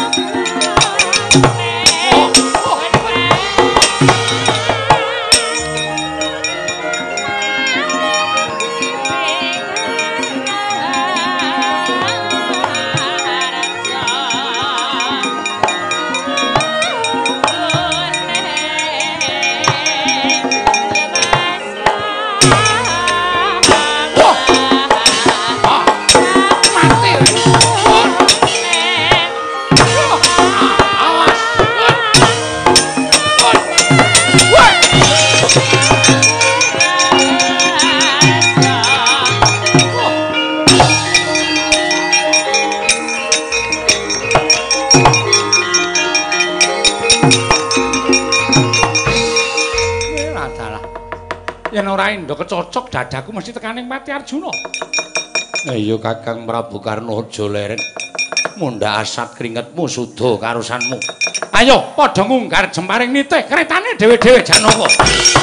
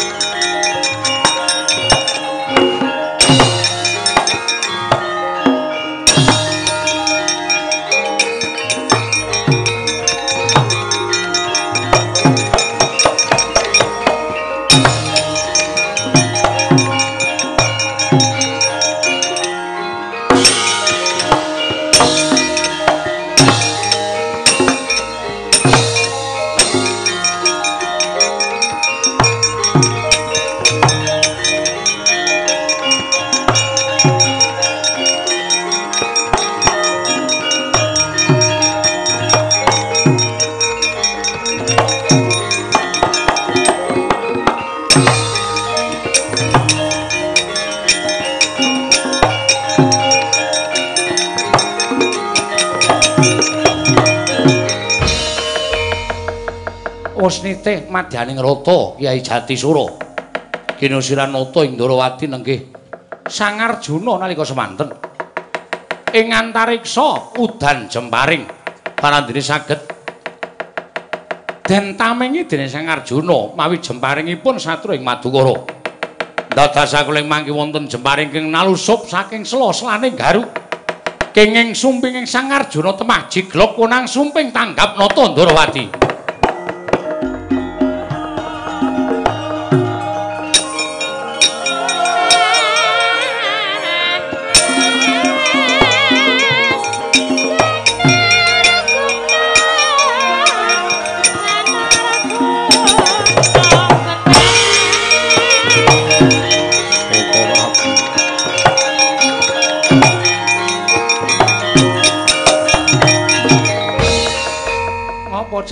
Mudhun saka kereta?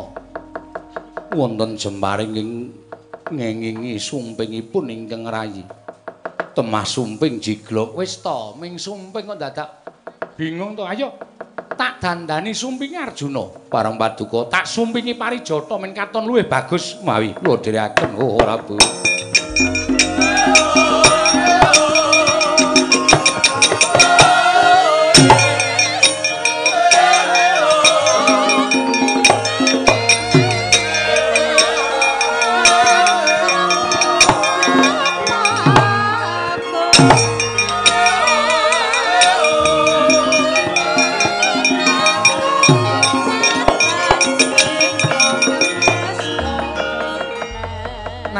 Aja wedi kangelan bareng paduka Kanjeng Koko Prabu. Gunakno panahmu Kyai Wirayang. Inggih. Uncalno ning antariksa Arjuna bareng paduka wis to manutapun Kakang. Nggih, ngestaken dawuh paduka Kanjeng Koko Prabu.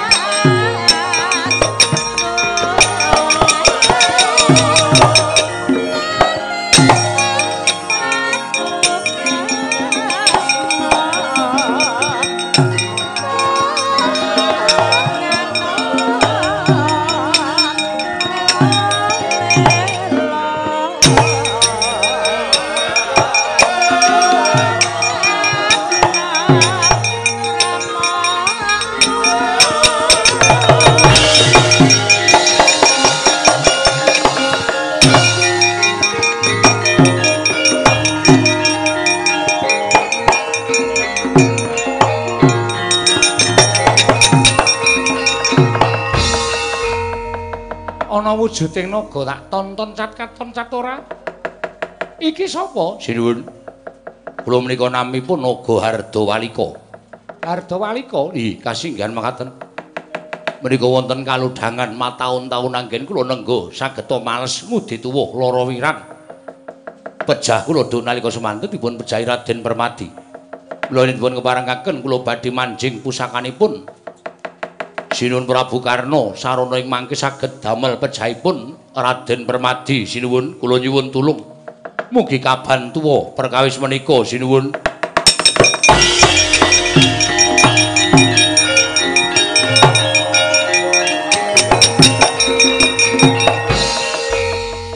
Ardawalika wonten dawuh. Iki perkara perang antaraning Senopati lan Senopati yen nganti aku iso mateni Janaka mongko saka pambiyantumu do nyono cerak nyono. Nggonku nglakoni peperangan iki ora jujur. Kowe aja mbeda nggonku tanding yudha lawan adikku Arjuna. Yen kowe duwe rasa kepengin males kalawan Arjuna lakonana dhewe. Aja melu-melu perkaraku. Yen kowe melu-melu perkaraku malah kowe tak katutke dosane. Waduh nyuwun pamit sinuwun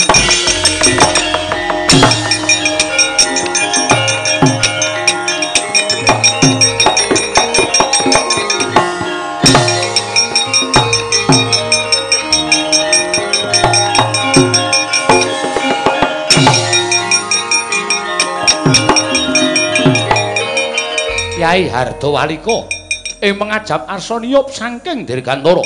Palandiring mangke datan ngertos sangkan paraning bilahi. Cumlorot pusaka Kyai Wirayang. Pusakane Sang Arjuna. Kenging jangganing Hardawalika tugel tel bali asal mula bukane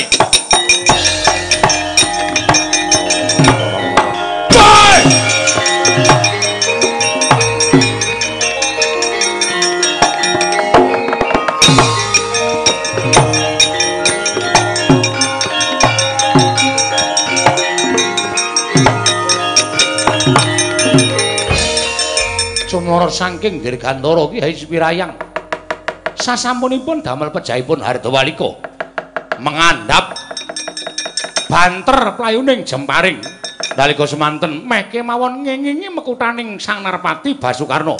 Parandene saged amendak Narpati Basukarna. Kenging song-song kasenopaten ingkang dinbekta Bambang Swatama tematugel punang song-song kasenopaten.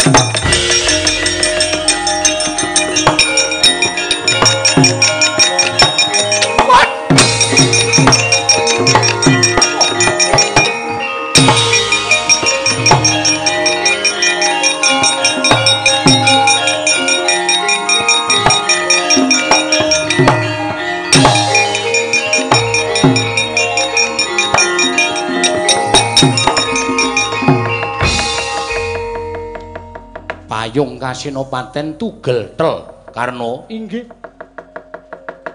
yen miturut jaring para sepuh ngendikaning para sing padha ngerti mumpung isih ana wektu kalodhangan ayo mundur. Lho mundur dos pundi Rama yen to payung kasinopaten tugel kuwi pratandha sing ora apik.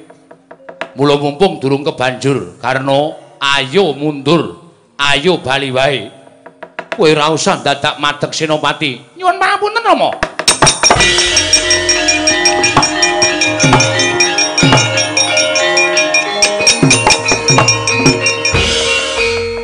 Samenika sampun boten wonten tabetipun para sepuh kalian anak mantu ning anane Karna karo Prabu Salya.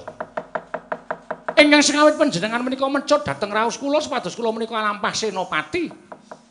Nanging sarana namung pratandha payung tugel kemawon lah kok panjenengan lajeng dawuh kaliyan Kemputra supados mundur menika nyuwun sewu. Kula menika dudu cacilek lho. Kula menika pun sepuh, tur dasare kula menika senopati. Senopati menika majeng wonten peperangan menika sampun wantun dumugi ning pejah. Menawi Rama Ajre kula aturi seminggah. Kula mboten dipun kusiri mboten menapa-menapa. Kula badhe majeng piyambak wonten ing pabaratan. Ora mung perkara payung tugel wae kok karena kon mundur menika lho. Terus derajate karena menika dipun samekaken kalian song-song kasenopaten ngaten ana dos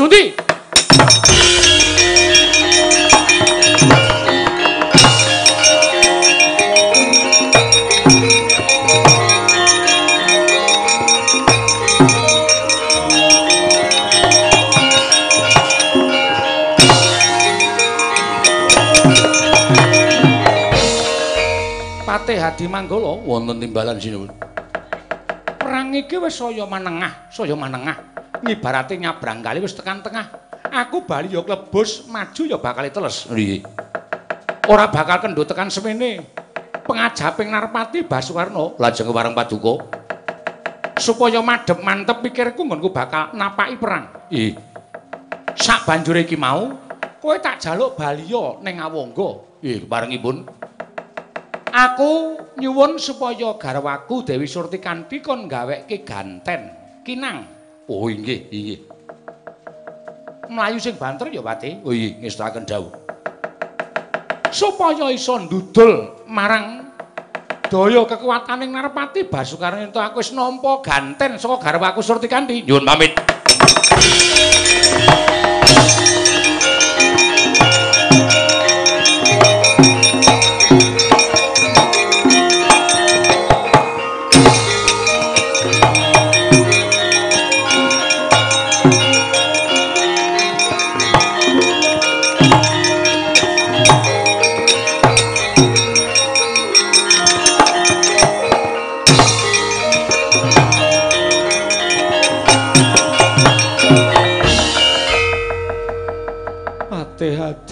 Manggala. Nggih. Kula wonten dawuh Gusti Ayu. Kula wonten dawuh. Ana apa Patih kowe mlayu-mlayu? Nganti napasmu kaya mengkono unjaling napas ora iso ditata. kagligaping paningal saja beda kalawan adat saben kepiye pepundhenmu sinuwun Prabu Karna kepiye pate eh eh sakawit. Sakawit sampun kelampahan sampun kelampahan ngayati perang ageng Bratayuda wonten Tegal Kurukasitra namung sak mangke. Namung piye pate? Namung piye? Namung. Kula kabure sepados wangsul. Inggih menika. Kowe bali didhawuhi apa-apa bakal paring kabar yen Kanjeng Sinuwun wis seda ana ing peperangan apa Kang Sinuwun Prabu Karna wis gugur madyaning peperangan. Ah, ah inggih inggih inggih sampun gugur. Sinuwun Sinuwun. Oh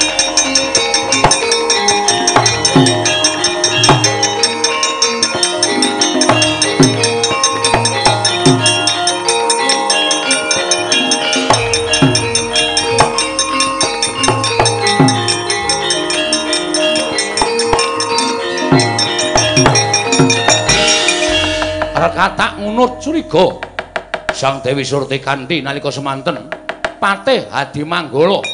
Dasare wis keladuk sepuh. Den dawuh pados melajar tebih mila sak ngajenging Dewi Surti Kanthi gagap gugup nggenya matur kersaning Sang Dewi. Graita lamun kang rakawaser gugur madyaning Tegal Kurasetra sigra ngunus patrem tirujaken wonten ing dada suduk salira sang putri Madras Dewi Surti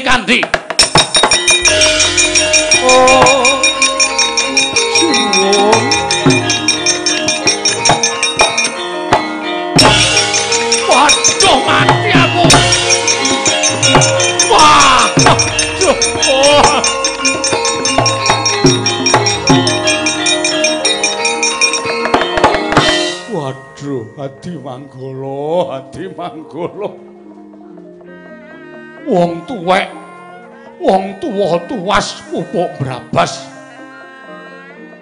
Megap-megap napasku ora iso ditata bareng didangu apa sinuwun seda aku kok ya muni iya muni nggih. Aduh mati aku. Mati aku. Sinuwun. Sinuwun Prabu Karno kabejawana kula nderek. Menika lepat kula sinuwun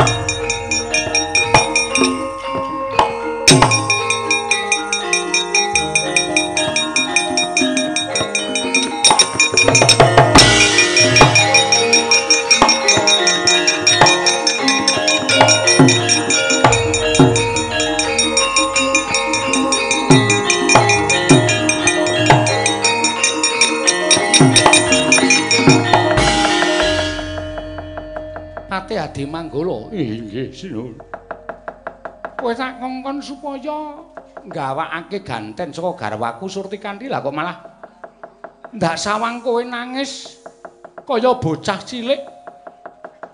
Tangismu nganti kaya mengkono kuwi mau piye? Aduh, sinuwun. Tentu kemawon panjenengan badhe duka kalian kula. Nalika kula kadhawan mlajar tebih wonten negari Ngawangga dumugi mriku dipun papak pinanggih kalian keng garwa napas kula mboten kanten-kantenan. Sareng keng garwa gagap gugup penggalipun dangu kalian kula. Pate ati ana apa? Lah kok dadi kahananmu kaya ngono? Apa kanjeng sinuwun seda? Sinuwun nyuwun pangapunten. Piye? Kula matur inggih ngaten mboten kanthi kanyono-nyono. Ingkang garwa ngunus patem lajeng tinujaken wonten ing dodo. Dewi Surti kanthi ingkang garwa seto iblis lanat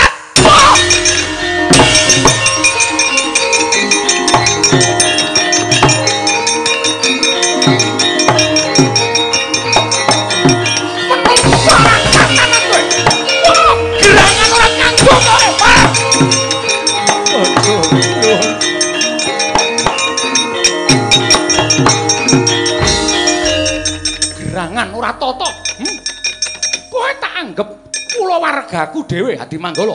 Ing mesine kowe tak kongkon bisa nggawake ganten saka Yayi Dewi Surti lah kok tinemune Yayi Dewi malah tekaning pati mergo saka cangkeme wong gerang kaya jawon. Oh, oh, oh, mati kowe. Mungsa tatanan.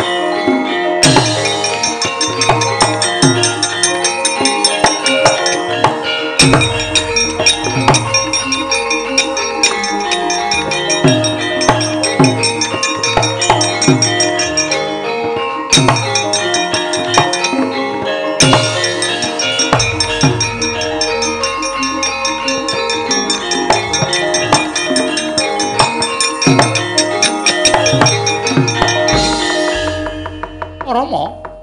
Piye, Karno? Sameneika sampun mboten wonten raos tida-tida malih salebeting manah kula. Menang inggih dinten menika kula pejah upami kula kedah pejah inggih dinten menika. Lho lho kok sik to.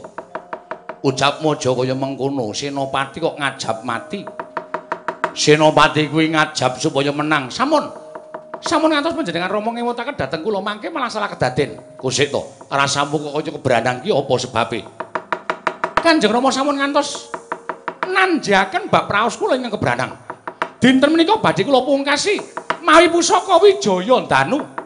Jangganipun Janaka menawi boten tugel trimah kula kukut jagat kula. Eh, Karno sabar, sabar. Sabar. Aja nganti luput ing pametung. Kanjeng Rama kantun lampahaken kreta kemawon. Sampun ngantos kekatan anggen paduka dangu dhateng kula. Kreta dipun lampahaken. Kula badhe nglepasaken wujudipun Kyai Wijaya Dani. Ya wis sakarmu, Karno.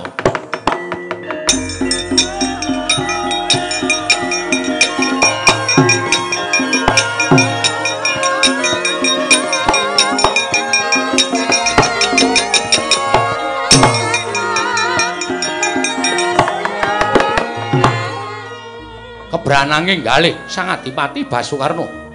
Mulat sedanipun ingkang garwa. Nalika semanten sigra rekatak ngunus jemaring Kyai Wijaya Danu. Jangganing Kang Arjuna ingkang kinarya lesan. Kebat kaya kilat kesit pindha tadhit parandening mangke Sang Prabu Salya ing cipta mboten lila lair lan batos. Sinarengan jumepreting laring gendhewa jaran dipun sengkrek kendalinipun temah oleng lampahing kreta oleng lampahing Kyai Wijaya Danu amung kenging gelunging Sang Arjuna temah wudar gelunging Sang Arjuna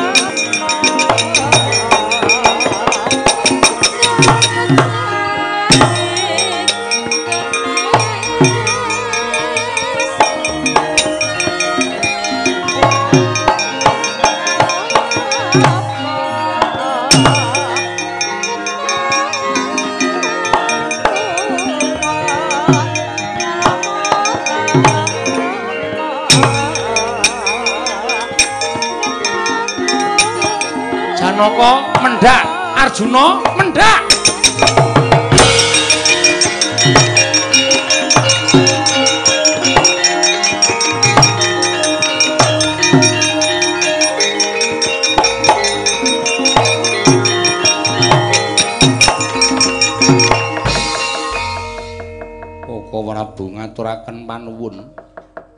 Ya mung merga pun ngakang tresna kelawan Si Adi, nanging gelung kula wudar. Gelungmu wudar rikma anglimbrah nganti tekan pamidangan kiwa tengen. Inggih. Ayo tak dandani cara menapa wis ayo.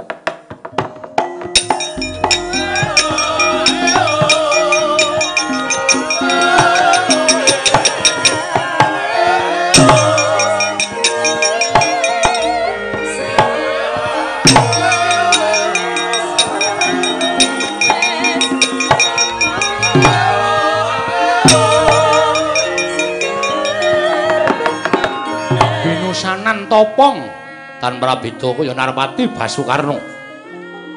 Mila saking katebian katingal kembar Nalindra Ngawangga miwah Satria ing Madukara. Sigraha Kayuwangan Suralaya. Sangya para widodara widodari. Para Jawata sami amriksani citraning ingkang sami andon pupuh.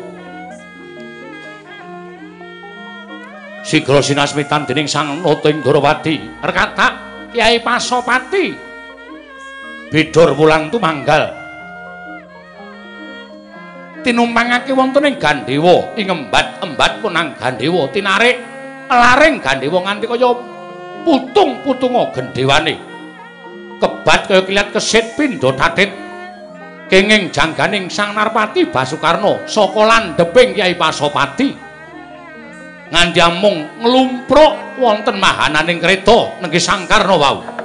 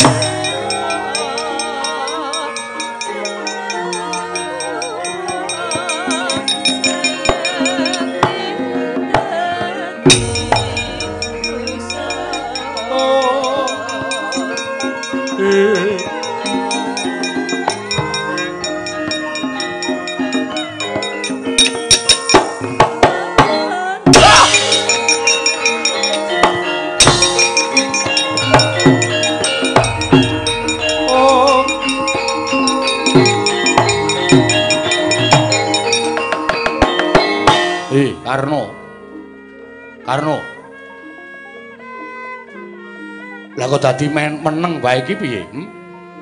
Sawise ngeculake panah Kyai Wijaya Danu, mestine mbok susul panah-panah pusaka. Pusaka sengkeran mulyane. Arjuna wis nyandang cara dene kowe. Ngumbar panah pirang-pirang wadyabala akeh sing padha katriwandan. Lah kok dadi kowe meneng wae? Eh, Karno. Karno. Kowe iki dijak guneman wong tuwa kok meneng wae iki piye to?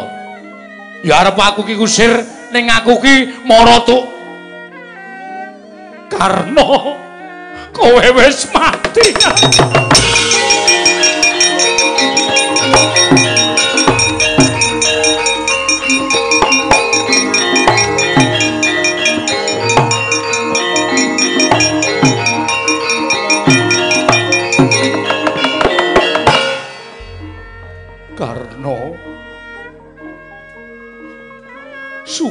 Ucape wong tuamu bareng aku noleh.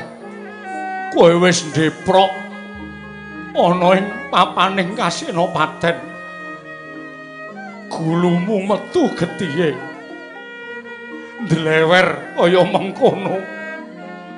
Cetha yen to kowe tekaning pati Basukarna.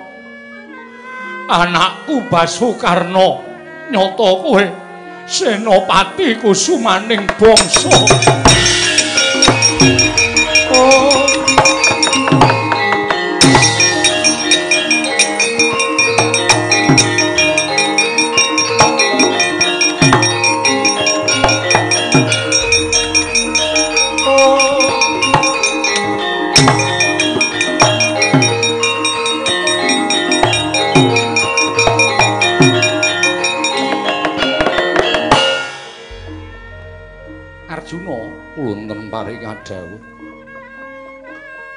Titis panembating Jemparing Senopati Ngastina wis gugur Apa Prabu, kula nyuwun pangapunten kok sik warne ndi?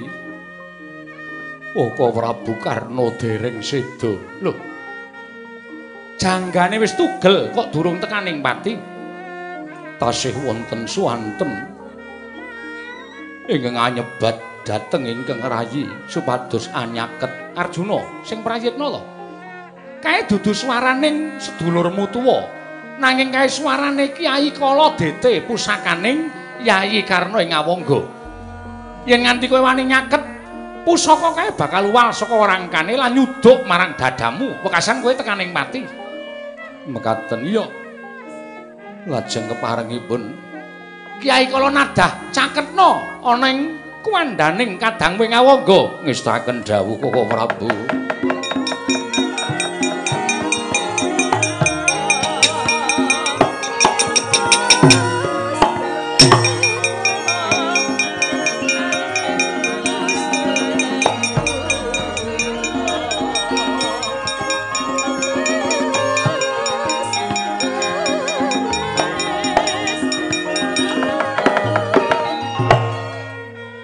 Titis pangandikaning nata ing Ndrawati. Kyai Kala Nadah sigra cinaketaken ngersaning Sang Narpati Basukarna ingkang tasih lenggah madyaning kreta. Sigra Kyai Kala Dete medal saking Mrangka sareng kalian Kala Nadah pinulung dewa manjing wonten ing kayuwangan.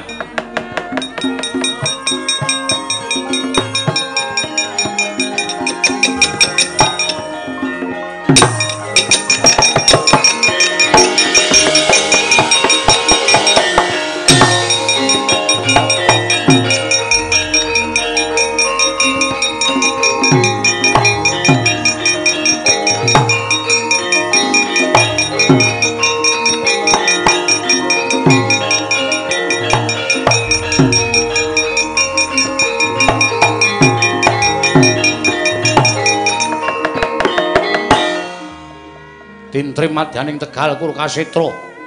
Sedaya samya tumungkul ing Kisma. Ngurmati kunduring Sang Basukarna. Kenya gugur madyaning pabaratan mulat saing katebian. Ingkang ngajelih-jelih. Persasat nalika semanten nggih pelajaripun Dewi Kunti Talibrata. Midhanget surak mawurahan manengker gumuruh. Bilih Senopati Ngastina Sang Basukarna kapuping Rana Madyalaga. Mila sigra lumajar jumeneng sak ngajenging kereta Kyai Jaladara. Karna anakku. Oh.